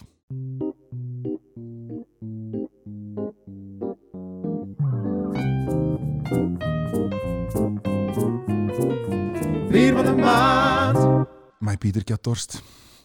Ja. En Ellen gaat dat oplossen. Met het Nee. bier van de maand. Met het bier van de maand. Ze zijn eigenlijk al bezig. Hè? Ja, ze zijn een tweede al. Je moet, maar je moet, je moet de illusie laten. Alsof dat ik heel een tijd heb gewacht. Ellen, die is nu ook weer al doorprikt. Dank je wel daarvoor. maar vertel, wat is ons bier van de maand, Ellen? Ik zal er wel even ehm, van het bier van de maand alvast drinken. Voilà. Het bier van de maand is de Hapkin Bipa. Een Hapkin aan iets lagere alcoholgehalte, 6,7 procent. Ja, en uh, Belgisch compromis. hè? Het Belgisch compromis, ja. Ik moet zeggen, we hebben hem vorig jaar gelanceerd op vat aan 8,5 procent, hè, zoals de, de Hapkin. Maar dat dronk zo ja, vlot, omdat weg, ja. die, die draaihopping, die frisse hoppen dat gebruikt worden, Ja. Die maken het uh, ja, heel verfrissend en gemakkelijk uh, te drinken. En voor een bier van 8,5% alcohol ja, vonden we dat dat... Ja, ja. voilà. Kregen er dan klachten over dat de mensen te zat waren? Of van? nee, nee, maar dat is eigenlijk ja, onze eigen ingegevenheid ook van naar moderatie toe. Ook, En het de bekomplichtheid? dan zijn we beginnen te Ah, testen aan lagere alcoholgehalte. Die gaan we straks testen. De bekomt De bekomplichtheid, ja. oké. Ja. Weet je wat dat is trouwens, de bekomplichtheid? Nee, Nee. Nee? zeg maar. Eh, Dat is het Duitse woord van ik wil nog een. Ik bekom er nog een. Ja, Dat zegt men in Duitsland. ze, eh, ik heb dat, dat woord geleerd van ehm, Jean-Marie van. Joep van Waasbergen, de vader van Willem van Waasbergen, Global Brewmaster van Heineken. Die heeft mij dat woord geleerd. Kijk, en de cirkel is rond. Voilà. Maar bon, dus, de BIPA. Dus ehm, ja, hoe is dat begonnen? Natuurlijk, hè, zo'n bier maken, hè, dan, dan wordt er gekeken naar de markten en hè, eh, waar, ja, waar is, ja, denken we, hè, nood aan om... Ay, nood aan, dat is een, zwaar Ja. woord. Maar waar geloven we in of waar zien we opportuniteiten om, eh, om eh, een nieuw bier van te maken? En ja, dan dachten we aan om iets met Hapkin te doen. En een Hapkin Bipa. En dat komt eh, twee jaar geleden, ben ik met Heineken onder andere en met Willem van Waasbergen, Ja, de, ja. eh, de zoon van eh, Joep van Waasbergen, eh, zijn wij op excursie gegaan naar Amerika in september. Wat tof. Naar de hopschuur Oh, van... eh, ja, Ja, ja, een ja. droom. Kun je dat voorstellen, dat dat je job is, dat je zo een excursie... Ja, ik heb daar wel eerst Ja, ja. 25 jaar voor moeten werken voordat ik dat eens mocht doen. Ehm, We en doen dat alle weken bij ons in de microbrouwerij. Ja, nee. En Dan zijn wij naar, eh, met echt een, eh, ja, dat was echt een, eh, een delegatie van, van Nieuw-Zeeland tot Zuid-Afrika tot eh, Brazilië. Mhm. Eh, ja, een, een bond. Heineken-familie. Ja. Heineken-familie, veel eh, microbroers. Eigenlijk ja, zitten wij ook nog eh, zo Ja. half in het microbroers-wereldje. Ja. Voilà, ja. En eh, zijn wij eh, naar Yakima geweest in Ja. september, als volop de hop Ja. eh, Ja. oogst bezig was. En een maar, waar, waar is dat ergens? Dat is Dus, Washington, de staat Washington. Ja, Ja. Dus naar de- Seattle vliegen en dan nog een, een drietal uren rijden, denk ik. Ik ben er ook al eens was- geweest, maar in augustus. En wat is er speciaal daar? Is heel veel Dat is de hopschuur van Amerika. De hopschuur. Dat is wat wij hebben tussen München en Nürnberg. De, de Beieren, dat is Mhm. de hop van Europa, zou ik maar zeggen. Heb je daar eigenlijk eh, Oregon en Washington, maar Washington nog iets meer, denk ik. Ja, Eh, dat staat, al, eh, staat enorm veel op. Oké. Ja. En jullie mochten daar naar, eh, op reis? daar gingen wij eh, op... eh, Ja, werk, werk, excu- Ja, ja, ja. tuurlijk. Mhm. Kijk, eh, ja, het resultaat staat voor Oh, u. maar Ja, ja. Kijk, eh, Ja. dus een magisch moment. Hè. Lang vliegen, dan nog toekomen, drie uur rijden. Dus ja, je bent dan al, al Ja. half groggy. Maar eh, ja, tegen jetlag moet je ja, je direct aanpassen aan het uur en dan goed eten en drinken. Dus Ja. ja, dat laten we ons zeker Mhm. niet eh, ja, eh, passeren. Ja. Dus we waren daartoe gekomen, even geïnstalleerd in een hotel. En vlakbij was een micro, een micro-pub, hè, brewery pub. Ja. En de brouwer was een brouwer, zondag. Hè, we komen daartoe op zondag. En daar staat daar ja, een mand met verse hopbellen. En dat was een, een schitterende hop.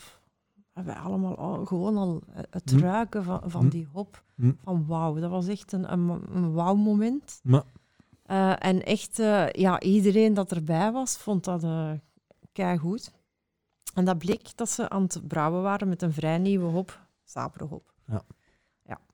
Dan hebben we dan ook die bieren kunnen proeven hè, in die, eh, in die eh, brewpub. brouwpub, brouwpub. Ja. En dat was allemaal met die hop dan? En dat was eh, ook onder andere met die hop. Die kerel, ja, dat was ook eh, fantastisch. eh. het is niet alleen de hopschuur van Amerika, maar ook heel veel fruit. En die was eh, eh, een afkooksel aan het maken van eh perziken. Oké. Hm. Ja. Dat werd ook toegevoegd aan het bier. Eh, de peaches, ja. Ja. Dus, eh, Daar houden ze zich niet aan het reinheidsgebod in Amerika. Nee. Maar je hebt me van de week gezegd, in China heel populair, hè? ja, peach, ananas, mango, dat zijn populaire Ja. vruchten eh, in China. Kijk. Ja. En dan eh, ja, teruggekomen in België, eh, ja, toch een idee. En eh, van, we gaan daar een, een kerstbier mee maken voor ons eigen hè, personeel, Ja. voor onze, de medewerkers. Mijn collega en ik, eh, ieder een testbrouwsel gemaakt. En hebben we dan uitgedeeld aan de collega's om het, ja, eh, uw product, ja, het nieuwe biertjes ook eh, te laten leren kennen. En een beetje reclame voor te maken intern. Eh, en dan, ja, kijk, van het ene komt het andere. Een idee om, om dan eh, een- nieuw bier te maken. Dan hebben we daar, ja, niet alleen met die hop, we hebben verschillende hoppen getest. We doen dat met verschillende collega's, er worden tastings gehouden. Ehm, dan hebben we vorig jaar dan eh, gelanceerd op vat, de 8,5. Maar dat ja, vonden we persoonlijk te, te zwaar eh, voor dat eh, fris. Hè, want het is een fris Mhm. bier. Hè. Het, het ruikt fruitig. Het, ja, het drinkt heel goed. Ja. Ehm, ja, heel eh, ref- refreshment. Kijk, ja, de, de glazen zijn weer leeg. Ja, ja. Ja, de gla- ja, ik kan nu stoppen. Ik moet Ja. nog rijden. Dus ehm, Pieter, ja, eh, dan zijn we beginnen testen om, om lager te gaan in alcohol. En uiteindelijk zijn we beland op 6,7. Mhm, mhm. Ja, ik vind het ook heel leuk. De stijl vind ik ook heel leuk van, ehm, van, van, de, van de etiketten. En, eh, Van Hapkin, ja. Ja. ja, mhm.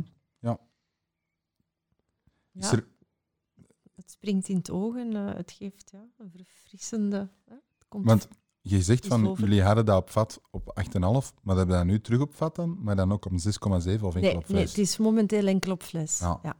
En gewoon puur marketing? Of is daar een specifieke reden voor? Of, Ja, vorig jaar natuurlijk, we hadden de pech. Wanneer zijn we? Ja. Ja. Ja. Eh, het bier stond klaar om in april uit te Ach. rollen. ja, En eh, ja, dan, eh, Maar de flessenverkoop is dan wel goed gegaan eigenlijk. Want ja, De flessenverkoop het is nu pas eh, op fles gelanceerd dit Ja. jaar. Ja. in het voorjaar is eh, ja, ja. Ja. ja. Mhm, mhm. Zeg, en die, die een boer, eh, is dat nu een klant geworden? Alleen een leverancier geworden van, ehm, van Heineken? Heeft hij Ja. zijn omzet ehm ver, ver 27voudigd? Of, ehm, We zijn eh, een mooie referentie, maar eh, in, eh, naar USA-norm. Het is een BIPA, hè. Het Ja. Is, ja, ik denk, eh, onze sterkte is goed gebalanceerd. Ehm, je moet er nog één van kunnen drinken. ja, hè. absoluut. Ja. Er zijn heel veel Komt lichtheid. IPA's. er komt lichtheid met Komt goed zijn. Kijk, zo, Ja. zo mooi woord. Ja. Ehm, ja, Nee, het klopt. dan hè, is, dat, het, dat is, dat dan is, is het soms al moeilijk om één, Ja. één glas uit te drinken. hè. dat, dat is iets wat wij als brouwers in België altijd wel meekrijgen. hè. We moeten eh, bieren maken, maar het moet, moet wel drinkbaar blijven. Nee, we nemen, dat hè. is Dat is het emmerverhaal van de Peter. Hè. emmerverhaal. Als je, als je twee bieren hebt, ze zijn alle twee goed, maar van welke je een, een emmer uitdrinken Ah, en welke ja. niet. Hè. Ja. Ja. Ja, dus, dus en ik vind, ik vind dat we daar altijd wel. eh, ik maak ook altijd vergelijking. Ik heb, ik heb zo enkele jaren geleden, ook in Amerika, ik was toen in Denver. En er was toen eh, een Amerikaan, en meestal zijn die heel joviaal. Oh, Belgische bieren, top. Maar die, die, die net het anders eh, tegenovergestelde. Die bond tegen mij, oh, België, wat stelt dat nog voor over bier? Hey, we mo- moeten eens kijken wat wij hier allemaal maken. Ik zeg, ik zeg jij, inderdaad, jij hebt fantastische bieren. Dan kijk iets lekker voor die een glas. Hè. Zeg, maar dan is het voor mij wel gedaan en ik heb er daar wel van genoten, maar ik kan daar geen twee met smaak van drinken.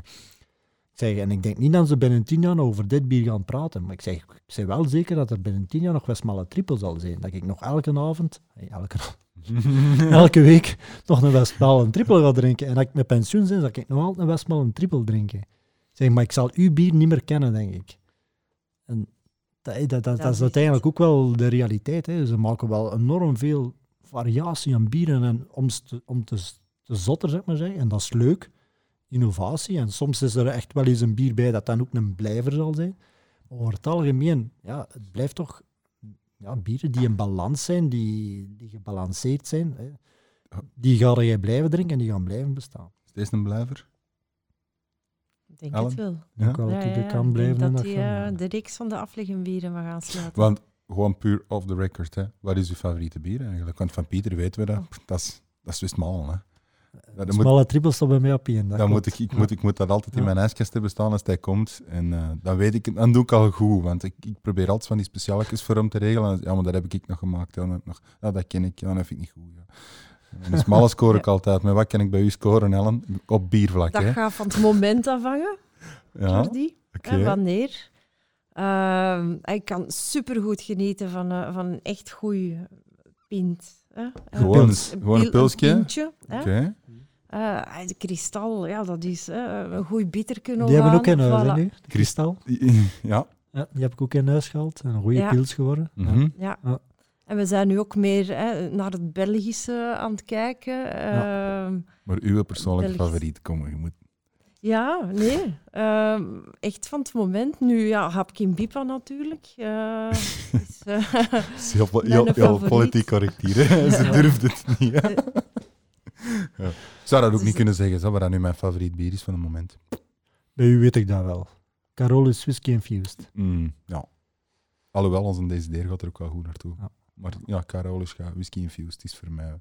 Of ja, die bush karakter, hè. dat vind ik ook heel lekker. Hè. Die jij niet lekker vindt. Ja, ik heb heel graag van die. Heeft graag alcohol. precies, ja, ik- Zo rond de 11 en 11 à 12, dat vind ik toppers. Ja. dat is eh, voor mij iets eh, te zwaar. Oké, Ik hou het liever bij de lichtere Ja. en de blonde bieren. maar dus ehm Hapkin Bipa, overal te Ja. verkrijgen. Yes. Ik heb hem overal al gezien. Cora ook, dacht ik. Hè? Nee? Ja. Uh, we- bankhandels. We gaan daar ook eens, we gaan daar ook eens eh, eh, moeten aandelen vragen voor de Cora. Die hebben we ook al elke aflevering eh, vermeld. Ja, eigenlijk wel. Ja, Dat was bij de musketiers. zo, ja dat bij Bavik in de. Colruyt, een de- 12-pack, eh, ja, Ja. allemaal in de Colruyt. Ja, Hoeveel dus- keer heb ik het nog al gezegd, Colruyt? Ik weet niet, maar ik denk dat we zeker 100.000 euro Ja, kunnen ja. vragen, denk ik. eh. Goed. Nee, dankjewel voor de Hapkin Bipa. Ons bier van de maand. Wist jij dat er, wist jij dat er, wist jij dat er, wist je dat je zijn over bier? Wist je dat er weer al wist je datjes zijn? Ja. Pieter. Ja, ik heb de intro nog niet gehoord, Ellen, want je hebt toegegeven Yes. dat je niet naar onze podcast luistert, Ja. maar... Er is een collega van mij die allemaal eh, in, eh, muziekjes heeft dingen gezongen. Dat is een, een zanger. hè. Een hele goeie zelfs. Ja. We hebben The Voice meegedaan in de finale. We moeten hem blijven herhalen. Hè. Ja, ja, Als Sebastiaan. de volgende keer als hij meedoet met The Voice, ja, Sebastiaan Caron. als hij nog eens meedoet, dan gaat hij sowieso al 1500 bierklap-fans erbij Ja, hebben. ja, ja, ja. Nee, dus wist je dat? Dus we gaan praten over twee dingen van hier, bij Afligem. En dan nog eentje dat ik er zelf heb bijgestoken, dat ik gewoon mezelf al, al een aantal afleveringen afvraag.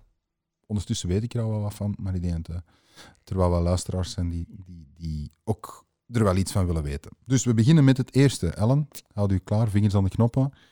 Ehm, waarom is Afligem een abdijbier en geen trappistenbier? Ja, omdat het niet binnen de muren van een, van een abdij nog gebrouwen wordt. Hè. Dat is het belangrijkste. En ook omdat er geen pater niet meer actief in het productieproces betrokken is. Dat was uw vraag ook? Alsjeblieft. Dat was ook mee uw vraag. Ja. Want we hebben op voorhand de vragen mee Ja, ik heb er ooit eens, eh, maar ik vind het heb gevaarlijk ik om de erover te beginnen, want ik kon correcties krijgen. Maar ik heb ooit eh, eens een boek gelezen van, hoe noemt hij nu weer? Ehm, ik vind het erg dat ik er niet kan opkomen. Het is een bekende in België, een schrijver. Maar Chef, een chef van der Steen. chef van der Steen. Abdijbieren ja, en ja, en ik heb die boek eens gelezen. Live En, correctie. maar het is ondertussen al, al drie, vier jaar geleden. Maar er staat eigenlijk ook heel de geschiedenis, hoe dat, hoe dat eigenlijk de trappisten zijn verspreid geraakt. En, en dan de trappisten eigenlijk eerst wijn maakten. Hè. Dat, dat, eh, bij Westmalle bijvoorbeeld, waar, was vroeger eigenlijk, stonden daar wijngaarden. Daar heb ook nog de Wijngaardstraat vlak naast de brouwerij. Dus o- ik kon daar niet, kon er niet over werken, want anders heb ik eh, correcties aan mijn been. Maar het, was, begon in de jaren 1600 met de heer Rancé. En die is eigenlijk uitgezworven en zo zijn eigenlijk al die trappistenorders van de Cisterciensers. Want hier zijn Benedictijnen, dacht ik. Ja, En ook- al van 1074. ja, die hè. zijn er al veel vroeger geweest. De, de Cisterciensers, eh, dat is de orde die tot de trappisten hoort. Want het is niet alleen bier, hè. er zijn ook in Duitsland trappisten, maar dat dan over kaas, die enkel kaas maken. Dus het is niet alleen bier, maar ehm, het hangt een beetje af tot welke orde dat ehm, de paters waren, of dat het trappist kan genoemd worden, Ja. ja of nee. Ook. Dus, eh, Er zijn nog heel veel Binnen de verschillende muren, binnen de- ordes ja. binnen de paters. ja. Die Ja. van Grimbergen zijn bijvoorbeeld Norbertijnen, ja, klopt. Maar dat die, Die- binnen een andere orde waren, dan waren dat, dat was Van de- Grimbergen en een trappistenbier.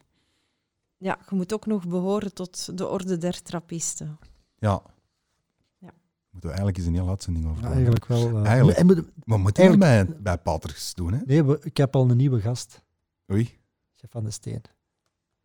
Ja. En Daar is, eh, dat is geen pater. dat is geen pater, maar eh, hij ziet er wel uit als de pater. Oei. Dat is niet negatief bedoeld. Hè. Hij heeft ook een, een, een, een grote grijze baard, dus de meeste paters hebben een baard. Hè. Right. Nee. Dus, onthoud, Afligem is geen trappistenbier. Waarom? Omdat er geen paters actief mee meer betrokken zijn. Binnen de muren. En Binnen de het muren. En het het wordt is niet binnen de muren gebrouwen. Ja. En En- ook niet de orde van de trappisten. Ja. de Benedictijnen. Ja, Maar- ja, Pieter zei wel dat jullie hier iets heel speciaal hebben. dat is ook weer... Ja. Open gistkuipen. Maar dat is niet meer nu op dit moment. Hè. Maar toen dat ik hier werkte, waren er nog open gistkuipen. Oké, vertel. Ik, vind, ik vond dat ongelooflijk. Eh, Vertel, want ik ken dat, wel, een open gistkuip. Ik, ik, ik weet niet wat ik mij erbij moet... moet is dat gewoon een, een kuip die gewoon open Ja, staat? En, en Ah, wel, je hebt lucht gezien, hè. is? Ja. Gezien, die zijn volledig gesloten. Ja. En een open gisthuip, geen dak. Dus dat is een kom, zou ik maar zeggen, waar dat de Waar dat de, worten de, zit en de gist. En je de ziet lucht zo eigenlijk de. Een groot zwembad. een groot zwembad. Dat stond buiten echt. Nee, nee, nee. Nee, nee. dat Ah, was oké. Het, was, het, was, het was overdekt, maar dat, Oké. een kuip. Ja, een, zwembad, een binnenzwembad, zou ik maar zeggen, met worten. En dat was, er werd gist aan toegevoegd en dat giste. En dan werd er met een zo grote spaan, zoals een keukenspaan, maar dan het grote was fitness hè, vroeger. Ja. Tot, tot, wacht, want jij is zegt... afgeschept, hè? Maar Ja. jij weet dat nog? Ik heb dat nog gedaan. Ik ook. En wanneer is dat? En waarom? Eén, Waarom wanneer is dat dan? ja, ze, heel gespierde. Nee, wa- wa- waarom is dat dan weg? En wan- sinds wanneer is dat weg? Heineken is hier langs geweest in En die zeggen- 2010, 2011. Maar dat word jij nog. Dat was ik hier nog. En ja, dat produceert CO2, die open gistkuip. hè. En als dat in een tank zit, kunnen we dat afleiden naar een bepaald punt. Daar ging dat eigenlijk, en dat was, dat staat op derde verdiep, zaten die gist- dus die CO2 kwam naar beneden. En CO2, als dat te hoge concentratie komt, is dat dodelijk. Dat is gevaarlijk, hè? Ja. En waarom was dat ook boven? Omdat vroeger, ja, een brouwerij had één pomp. Om het wort van de brouwzaal naar boven te pompen. Dus Ja. de gistingkuipen die lagen bovenaan. Mhm. En dan, dan door werd dat gravitair Ja, En naar wordt naar de, gebracht. de lagere kelder, de maturatiekelder. En dan werd dat terug gravitair, eh, liep dat af dan eh, naar de filtratiekelder. hè, om af te... Dus het was gewoon naar veiligheid toe dat we dat hebben moeten eh, stopzetten. Maar dat was ongelooflijk. hè. Dus ook weer Petrus, onze brouwmeester van toen. Dat moest echt op een bepaald moment gebeuren tijdens de gisting, dat die gist op zijn sterkste was. Hè. Want die kwam, die, die kwam eigenlijk twee keer naar boven, die gist. En het was de tweede keer dat hij naar boven kwam, dat daar de jonge cellen in zaten, die echt, echt ja, het krachtigste waren. Hè. De, de, de, de topatleten, zou ik maar zeggen, van, van die gisting. Die gingen we dan afscheppen, maar dat kost dus ook minder in de nacht zijn. Hè. Dus Petrus meette dat dan. En in vele gevallen was Petrus die dat dan twee keer in de week kwam. Ja, soms om s'nachts om twee uur, En om het uur, hè. om Ja. het uur. En dan kwam die dat afscheppen. En daar die gist gebruikten we dan voor al de andere bieren die dan in die week werden gebrouwen, om die te gaan enten, zou ik maar zeggen. Die gist gebruikten we dan. Nu, de- nu deze dagen wordt er, vooral naar kleine brouwerijen, maar we hebben het ook al gemerkt bij grotere brouwerijen, met droge gist gewerkt. Hè. Dus Ja. open en we heb een gist erbij. Ja, dit is iets van een heel andere orde en van... maar dat is hier nu ook gedaan. Mm, Eigenlijk nee, niet. Nee, we nu dit- doen we dat in We de, eigenlijk nog op... de kuipen. Eh, vertel maar, Elma. Ja, vertel Ja. maar, ja. Dus nu, hè, je hebt daar de, de kleinere, onze eerste cylindroconische tanks gezien, Ja. de kleinste. En daar van boven zit een eh, systeem om te oogsten. Dus we laten, ja, we, we enten extra gist. Dus dat gaat extra overgisten. En die overloop van die gist die wordt opgevangen in gistbewaartankjes. Dus dat is, dat is continu dat eigenlijk met dezelfde gist werkt. Dat hadden we toch ook gezien bij de Brabanderen?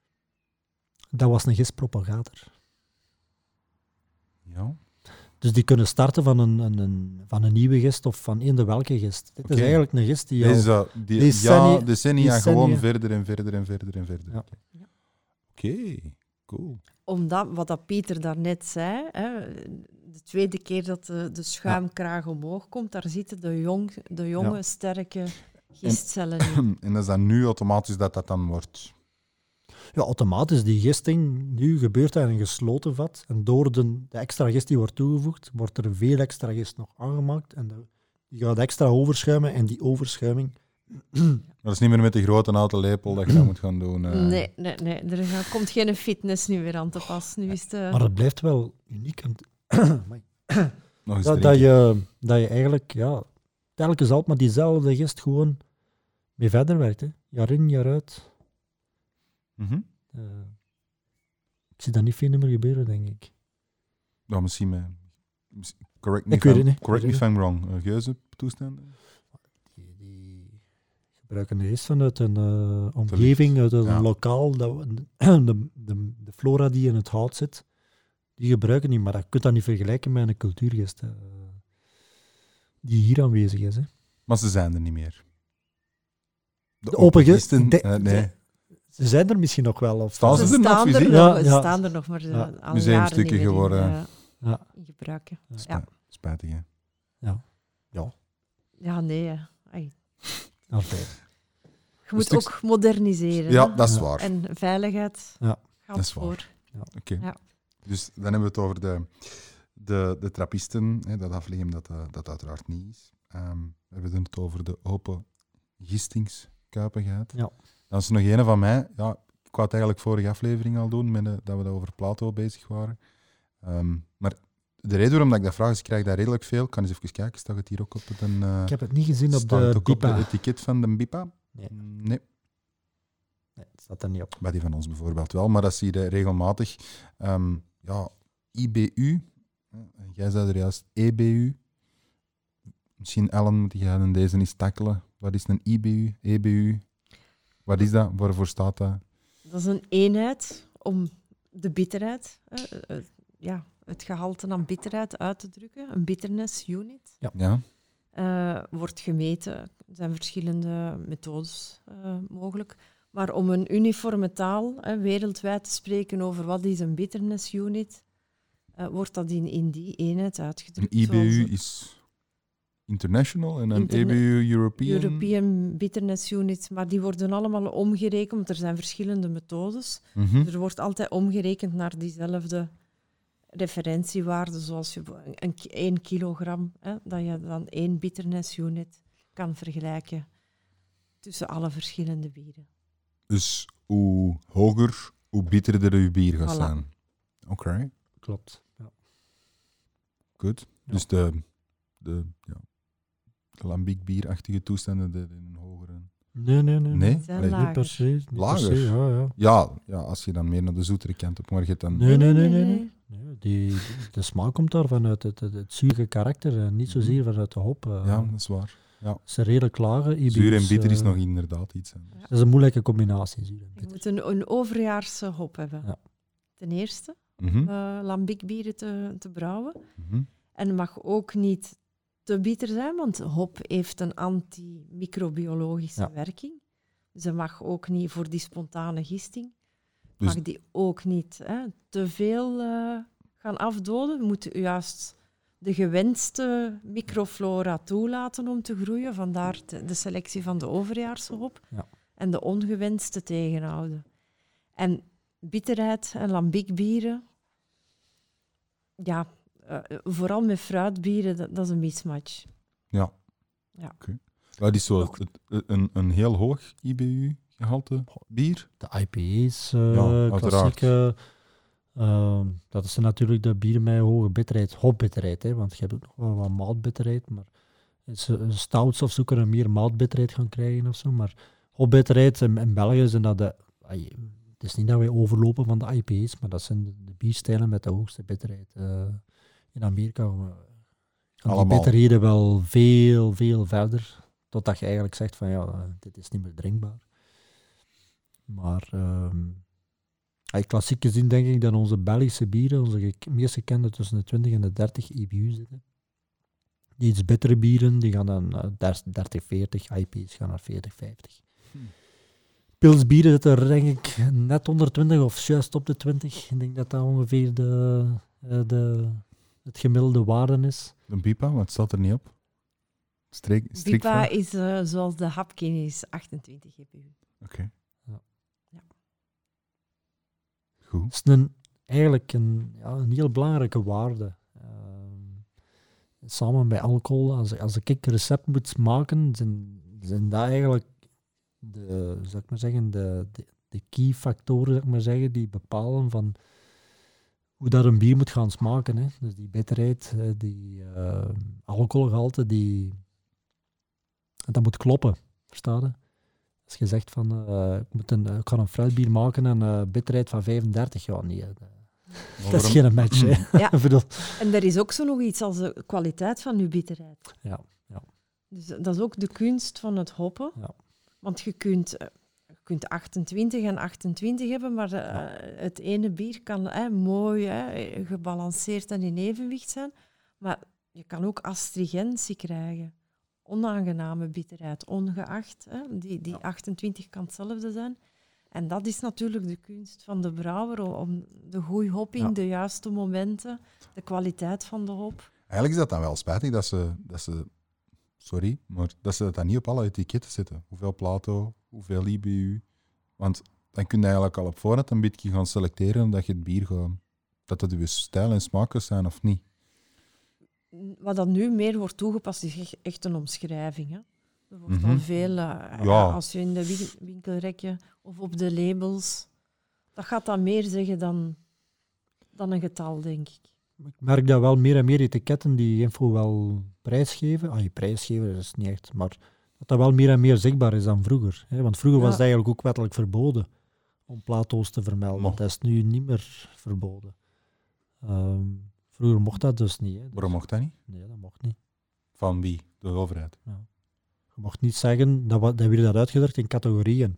Categorie S of categorie 1, dat mocht je wel vermelden, maar je mocht niet zeggen, dat is 18 platen of zo, dat mocht niet vermeld worden. Dus deze dagen is dat geen probleem, maar toen wel.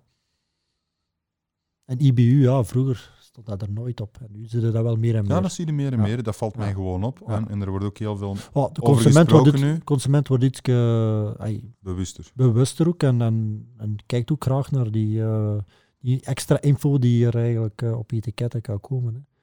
Ehm, ja. Ja, en nu Dat wordt dat ook gecommuniceerd. Vroeger was dat dan zo het Beroepsgeheim. bra brouwersgeheim. ja. Maar nu eh, wordt dat ook openlijk gecommuniceerd. Kunnen dat meten? Het gaat over wat dat geproefd, hè? Kunnen dat meten? Ah Bitterheid. ja? Ja. Ja, moet Ja, dat dat kunnen is- meten. Maar eh, het is een redelijk complexe meting. Bijvoorbeeld in de brouwerij waar ik werk, Musketeers, we hebben zo geen toestel eh, om dat te gaan meten. eh. Ik krijg dan weer eens even terug naar vorige week. Ja. Dat was het koning van de meettoestellen, denk ik. ja, ik denk wel dat zij dat hebben. Ik denk dat dat hier ook wel aanwezig is. Hè. Een bitterheids... eh, ja, dat is... dat hangt natuurlijk af van wat volume dat je maakt. Hè. Eh, ja. Het is niet dat wij als brouwerij de Musketeers of een kleinere brouwerij die meting niet doet. Dat, dat doe je extern. Om af te meten, eh, om, om, om af te checken of dat je berekening naar je be- benutting, of dat dat klopt. Maar jij, jij als R&D, jij moet toch die meettoestellen hebben, uiteraard. Tuurlijk. Ja. Weten is weten. Komt altijd terug, hè? eh weten is weten. Meten is weten. Oké. Ja. Dan hebben we nog eentje, hè. Bieractua. Let's go.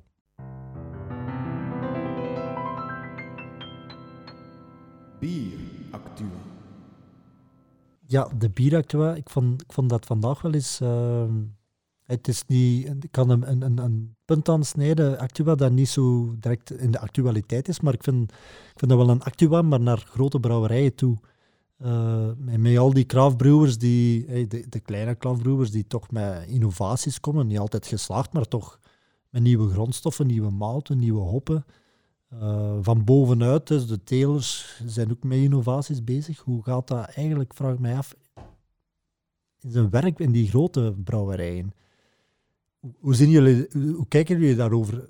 Want ik kan mij veronderstellen dat dat wel allemaal veel nieuw is en dat er wel een input is van, eh, en dat er vanuit sales wel vragen zijn van we moeten daar ook van alles, maar hoe loopt dat eigenlijk? eh? Innovatie loopt vanuit de consument uit. Hè. Wat is de vraag van de consument? Ook eh, die vrijheid van kleine craftbroers om volop te experimenteren. Ja, die hebben wij niet, omdat wij direct grotere volumes maken. Dus, maar er wordt eh, ja, ja, heel eh, ja, data-analyse, m- eh, consumentenresearch. Eh, dat is in hoofdzaak bepalend voor grote brouwerijen. Van welke innovatie gaan we nu op, op verder of uitrollen? Ja. En wil niet zeggen, natuurlijk al- al een voordeel als grote brouwerij, dat je ook in eerste instantie van de leveranciers te weten komt wat dat er nieuw is. Nieuwigheden, die worden dan allemaal ja, getest op de, de R&D-afdelingen of hè, in de brouwerijen. wil niet zeggen dat we daar altijd gaan op verder gaan. Het is echt consumentcentrisch. Wat gaan we doen? Eh, op welke innovatie gaan we inzetten? Want ik probeer altijd zo wat te vergelijken. En ik denk dat daar het verschil nog altijd zit. hè. We- Neem nu het voorbeeld van New Belgium Brewing in eh, Colorado. Ik denk dat dat wat gelijke orde is van grootte met elke maas. Hè. 1 miljoen, 1,5 miljoen hectoliter per jaar. Maar die, die brengen bekend 200 bieren uit op een jaar. Dat is wel heel extreem, maar, maar hoe, doen zij dat? Dan is toch de, heel de, de opzet van... eh, het, het kan blijkbaar wel, want als je zegt van oké, wij zitten met grotere volumes, maar eh, ja, uw markt is ook wel veel groter. Dus als jullie één testbrouwsel doen, maar ik zeg maar 1000 hectoliter, ja, jullie hebben dat toch direct verkocht. Of zijn er dan andere zaken die meespelen? Gaat het dan over ehm, eh, ja, branding? Op een andere manier in de markt willen staan? Of, of Ja, ik denk ook dat je moet kijken hoe, hoe dat je businessmodel, hoe, hoe is je bedrijf opgebouwd? Ehm, die flexibiliteit van eh, in heel onze logistieke flow. Hm. van stokhouden, eh, verschillende ja, bieren, Ja. de volumes. Daar, ja, Ja. hoe, Dus dat is eigenlijk hoe groter... rekening houden met, met inderdaad de consument en wat, wat die eh, verwacht. Ja. En, en vinden dat je nu rolt soms een rem, dat dat redelijk traag gaat aan onze zijde en in, in hier deze contraien, terwijl dat je bijvoorbeeld, moest jij voor Nieuw Belgian Brewing werken, zou elke week een nieuw recept moeten schrijven. Ja, pas op, hè. Ik, ben, eh, ik, ik heb genoeg met werk eh, en met genoeg veel dingen bezig. Ja. Maar eh, ja, eh, wat dat er uiteindelijk eh, uitrolt, natuurlijk ook, eh, eh, wat zijn de budgetten, waar gaat je op inzetten? We hebben nu Mhm. corona gehad. Hm. En ja, Ja. we moeten vijf keer nu eh, eh, nadenken, wa- wat gaan we doen? Dat geeft nu Ja. minder eh, ruimte. Maar oké, hè, alles gaat zich herstellen en, en beter uitrollen. Maar ja, het is wel duidelijk nu in de, op dit moment, na de coronacrisis, ja, dat, dat er echt wel eh, vijf keer wordt nagedacht. Ja, het, is niet dat ik wil het is niet dat ik wil zeggen dat Alkemaas Nieuw Belgian Brewing moet zijn. Hè, in die zin, want ik- daar hebben we daarnet over gesproken. eh, Het unieke hier in België is dat wij die, die stabiliteit en die, die kwaliteitsvolle bieren. En ja, je, kan, je kunt geen 200 kwaliteitsvolle bieren brouwen op een jaar, dus daar wil ik zeker niet naartoe. Maar ehm, Ik denk dat hoe, hoe zie je dat zelf evolueren hier in... Ja, want die craftbrewing in Frankrijk is, is ook enorm booming. Er moet toch uiteindelijk... Ik weet dat InBev jaren geleden wat begonnen is met zo wat variëteiten van hop te gaan gebruiken. Dus ze spelen wel erop in, maar dat, dat is zo... Ik heb zo altijd een een gevoel dat dat redelijk krampachtig is. Zo van, conservatief. we moeten er wat in mee, omdat dat, omdat dat effectief wel iets is dat, waar de consument mee bezig is, van nieuwe bieren, maar dat dat langs de andere kant zo is van, ja, moeten we daarin meegaan? Want we hebben, ik vind dat, dat, ik vind dat zo in Europa heel Conservatief. conservatief. Ja, ik zeg niet dat dat slecht is, maar Ik denk dat dat Eh, in Amerika meer, dat meer hit en miss is, denk ik dan. Nee? ja, Ja, het is een kwestie van eh, de gezonde balans te, te zoeken. Mhm. Hè, en ook naar maat van uw bedrijf. En het is zeker niet eh, ja, ja, met de mensen en de middelen. Hè, dat doen wij echt wel Mhm. heel veel. Want we, wij lanceren ook veel nieuwe bieren in het buitenland. Ja, Dat niet altijd ja. in België niet wordt altijd in. België. Ja. Ja, Klopt, ja. voilà. Dus dat, buitenland, is, uw, En we hebben nu buitenland is uw testpubliek, of wat? ja, nee, dat, dat is, eh, klant is koning. Hè. En de, de Ja, landen komen naar u en vragen van, kijk, eh, wij, wij, ja, in, in, in Frankrijk slaagt dit concept aan. Hè. Kunnen Ja. we dat bier eh, maken? Eh, in België zijn we nu vooral eh, op het lokale aan het inzetten. Ja, de grondstoffen dan. de eh, grondstof, de groene eh, energie, Ja. het circulaire. Ja. Dus eh, ja, daar wordt nu veel op ingezet, wat dat in ons brouwerijen ook enorm en waar dat wij eh, pionier en piloot zijn eh, binnen de Heineken-organisaties, ook de digitale innovatie. Dus in, in onze brouwomgeving ja, ja, oké. zijn er echt knappe projecten lopende.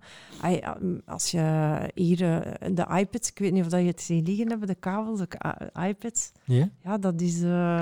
heb ik niet zo liggen. hè. De iPad. ja, daar eh, wordt eh, instructies. eh, ja, dat zit Oké, nu- Instructies, eh operatorinstructies. eh, Ja, en meldingen, eh, afwijkingen, Ik mankementen. zag hier toch nog die Excel-file van u liggen, die Ja, je tien dat is jaar nog geleden een. Af en toe is het nog eh, handig om eh, ja, een Ja. papieren documentje voor het overzicht te hebben. Hè? ja, klopt. Maar eh, heel veel eh, zit in de computers ook. Conservatiever toch, maar toch op, innovatief op een ander vlak. Is dat een schoon Innovatief samenvatting? eh, op vele gebieden, hè? van grondstoffen tot, eh, tot eh, organisatie, tot uw, uw brouwerijorganisatie, dataopvolging, consumentenopvolging, e-commerce. Kom, ja, komt Ja. wel Voilà. bij kijken. Ja. Doen jullie daar veel mee, e-commerce? Want We hebben een moeilijk, platform binnen Heineken Bierwolf. Ah, Bierwolf, ja, klopt. Ja. Ken ik niet. daar Ja. kun je Dat eh, ken ik, ja. al onze bieren bestellen. En ook bieren van de concurrentie kun Ja. je daar ook bestellen. Dat is echt Ja. het, platform. Ik heb er ook ooit e-commerce. eens eh, bij aangeklopt. We moesten maar- het niet hebben, of wat? Nee. Hm, dat is geen toffe gast. Nee, nee, dat zeg ik niet. Bij deze, als jullie luisteren, bel mij. Ik weet niet, zat er een bepaald eh, criteria waar dat je moest voldoen. Hier dat je in maanmerken kwam en eh, kwam ik helemaal niet aan, maar ik weet niet meer wat het was. Ik dacht, ik dacht dat zelfs dat iets over een tapt, het aantal... eh, Recensies op een ja. tapt moesten Ja. minimum aantal. Dat ga, kan ik een keer onderzoeken. ik dacht deze dat als een van de criteria was. eh, Als ze willen sponsoren. Want ik, was, ik had toen aangeklopt met, met onze gouden medaille die we toen op de Brussels Beach Mhm. hadden gewonnen. Eh, maar dat was niet voldoende om daar in aanmerking te komen om... Als mensen konden zien, maar dat weet ja, dat, dat, dat- want, want, want we zijn, we zijn ook aan, tevens ook aan het afronden. Ja. Ik heb ehm, de vraag gekregen en ik denk dat we dat wel gaan doen in de toekomst. Dus je ontsnapt er misschien nog net aan, Ellen. Ehm, we gaan ook op YouTube publiceren. Pieter, jij weet dat nog niet, maar dus bij deze. Oké. Oké, Met video. oké. Ja. Ehm, ik, heb, ik heb redelijk veel mensen die, die, die vroegen van ja, pff, ik bekijk het liever op YouTube. Dus ehm, Ja. ik ga de vorige afleveringen erop zetten gewoon met een afbeelding. Eh, en mogelijk, ik denk nog niet de volgende, dat moet- valt nog te zien, maar dat gaat ook met, met video zijn. Oei. Ja, dus dan Ja. moet je zien dat u Ja, wel goed ligt. Dan moet ik Voilà. eh, Ja, dus gewoon een t-shirt aandoen. ja, ja. Geen ik Nee, nee, maar dat is, dat is hier allemaal. Dat geen haar niet meer. en dan gaan de mensen ons ook eens kunnen zien wie we zijn. Dat is ook wel handig. Ja, waar. En Voilà. onze gast. En onze gast. Voilà. Ja. Dus Ellen die ontsnapt er net aan, maar eh, misschien niet meer wat we van plan zijn op het einde van het jaar. Ja. Dus, eh, maar dat is, nog, dat is nog voor de volgende keren. Ik heb, hebben we nog vragen, Pieter? Nog heel veel, maar we moeten afronden. We moeten afronden. Ja. Het is nog altijd eh, dinsdagavond. Ondertussen weer al 11 uur voorbij. Ja, het, zal niet toch zo, bijna. het zal niet zo laat zijn. Het zou als niet zo laat zijn als de vorige keer. Was het half drie, denk ik, dat we thuis Ja. waren. Hè? Ja, Het was eh, vrijdagavond half drie, dus dat was heel leuk. De biffy-worstjes in de auto, omdat we nog niks gegeten hadden. Maar toch, eh, bedankt Ellen dat we hier mochten zijn. Eh, Ja, ah, wacht. Jullie bedankt. Nee, we, Ja, we- tof. we moeten nog iets doen. Ah ja. En dan daartussen al nagedacht, Ellen? Verrassing. Ja, gaat de ja verrassing. we gaan een Ja, dus verrassingspakket we geven, altijd, we geven Ja. altijd iets weg. Hè. Het Quaremont-truitje. Ehm, ja, ik weet het nog niet wie het gewonnen heeft, hè, want de Ja, nee, podcast is nog niet uitgelopen. hè. Ja. Nee, we zijn, er zijn zoveel inzendingen dat we eigenlijk nog een hele lijst moeten trekken. Ja, ja. En eh, ja, dat vraagt wat tijd. Ja, maar dus, wat moet, wat, bedenk eens iets. Wat moeten ze doen, Ellen? Wat moeten ze doen om jullie verrassingspakket te kunnen winnen? Bedenk eens iets gek. Een hele plateau met hapkin. Bipa. Ik was Een- eh, aan Hapkin Bipa aan het denken. Ja, of misschien gewoon eh, misschien een, een leuke... ehm, ah, want jij hebt dus een hele foto, een schone foto getrokken van Remy ergens op vakantie. Dat jij Remy mee had. Eh, Ah ja, in en de- dan in de wei. De, ja, inderdaad. Ze moeten... eh, ik sta maar voor, hè, dus ze Ja. moeten eh, een foto trekken van het, eh, het vakantielandschap waar ze zijn. Met eh, Bipa in de voorgrond. Hapkin Bipa Ah, in de goed? voorgrond. En posten op Facebook. Moeten ze die dan vanuit België meenemen? Of vind- kunnen ze die dan ook in het buitenland kopen? Kan, die kunt je nog niet. eh, nee, dat is voor België de mensen meenemen. dat een staycation. eh, Ja. Ja, In staycation of mensen die toch op vakantie gaan. Ja. En die willen... En ik wil het dan nog iets extra uitdagender maken. Ja, maar dan moet er wel een speciale cadeau afkomen. Hè? Ja, maar dat weten we niet. Hè, maar... Ja, dat weten we niet, surprise pakket, oké. Een goede food pairing bij de Ja. Hapkin Bipa. Ah, Oké, goed. Een kaasje of zo. hè. Ja, bij ons een biffy zeker. Dat gaat niet winnen. Dat gaan we niet kiezen. Oké, kijk goed. Goed, Ja. dan wil ik alvast jullie bedanken. eh, ook voor eh, de leuke ontvangst. Het was, het was heel fijn. Jullie bedankt Mhm. om tot hier te komen. Yes. Heb ik nog iets anders vergeten, Pieter? Nee. Ah, de kanalen, uiteraard. Ja. Ja, waar kunnen de, ja, ik zeg daar altijd de kanalen opnieuw, maar de mensen die luisteren, ja, die weten natuurlijk al waar ze ons kunnen vinden. Maar toch nog eens even, eh, ja, dus op Spotify kunnen ze ons vinden. Binnenkort op YouTube, ik ga ervoor zorgen dat dat erop komt. En ehm, hebben jullie zoveel correcties voor, eh, voor Pieter of Ellen, hè, want ik heb ook al gehad dat ze iemand anders corrigeren, kunnen jullie die nog altijd sturen naar podcast.bierklap.be. Onze website staat er ook bij, bierklap.be. Daar vind je nog wat meer uitleg als die er eventueel zou moeten zijn. En daar duid ik ook aan tussen welk ehm, minuut en welke minuut we het over een bepaald item hebben. Dat is ook altijd handig als je niet altijd alles wilt beluisteren. Dat kan ook al eens. En ehm, ja, dan zal het tot in augustus zijn, hè Pieter? ja, we gaan op vakantie. Hè. Ik Ja. kan de bekomtelijkheid van de Duitse bieren proberen. Ik kan eh Affligem in Frankrijk proeven, denk ik. eh. ja. Ja. Dus, jij, Ellen, nog vakantieplannen? Hopelijk ook eh, een afligem in Frankrijk. ja. Ah, oké. En foto ook misschien- en posten dan, Misschien hè? nog in Spanje ook. Misschien moet je een foto ook posten om de, eh, de Ja. toon te zetten. Voilà, dat gaan we doen. Alright, goed. Afgesproken. Iedereen, tot de volgende. Yo. Bye. Bye.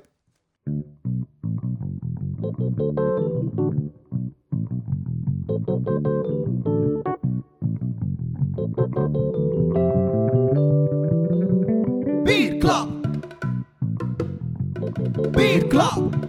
Hmm. Beat Club. Yeah. Beat Club. Beat.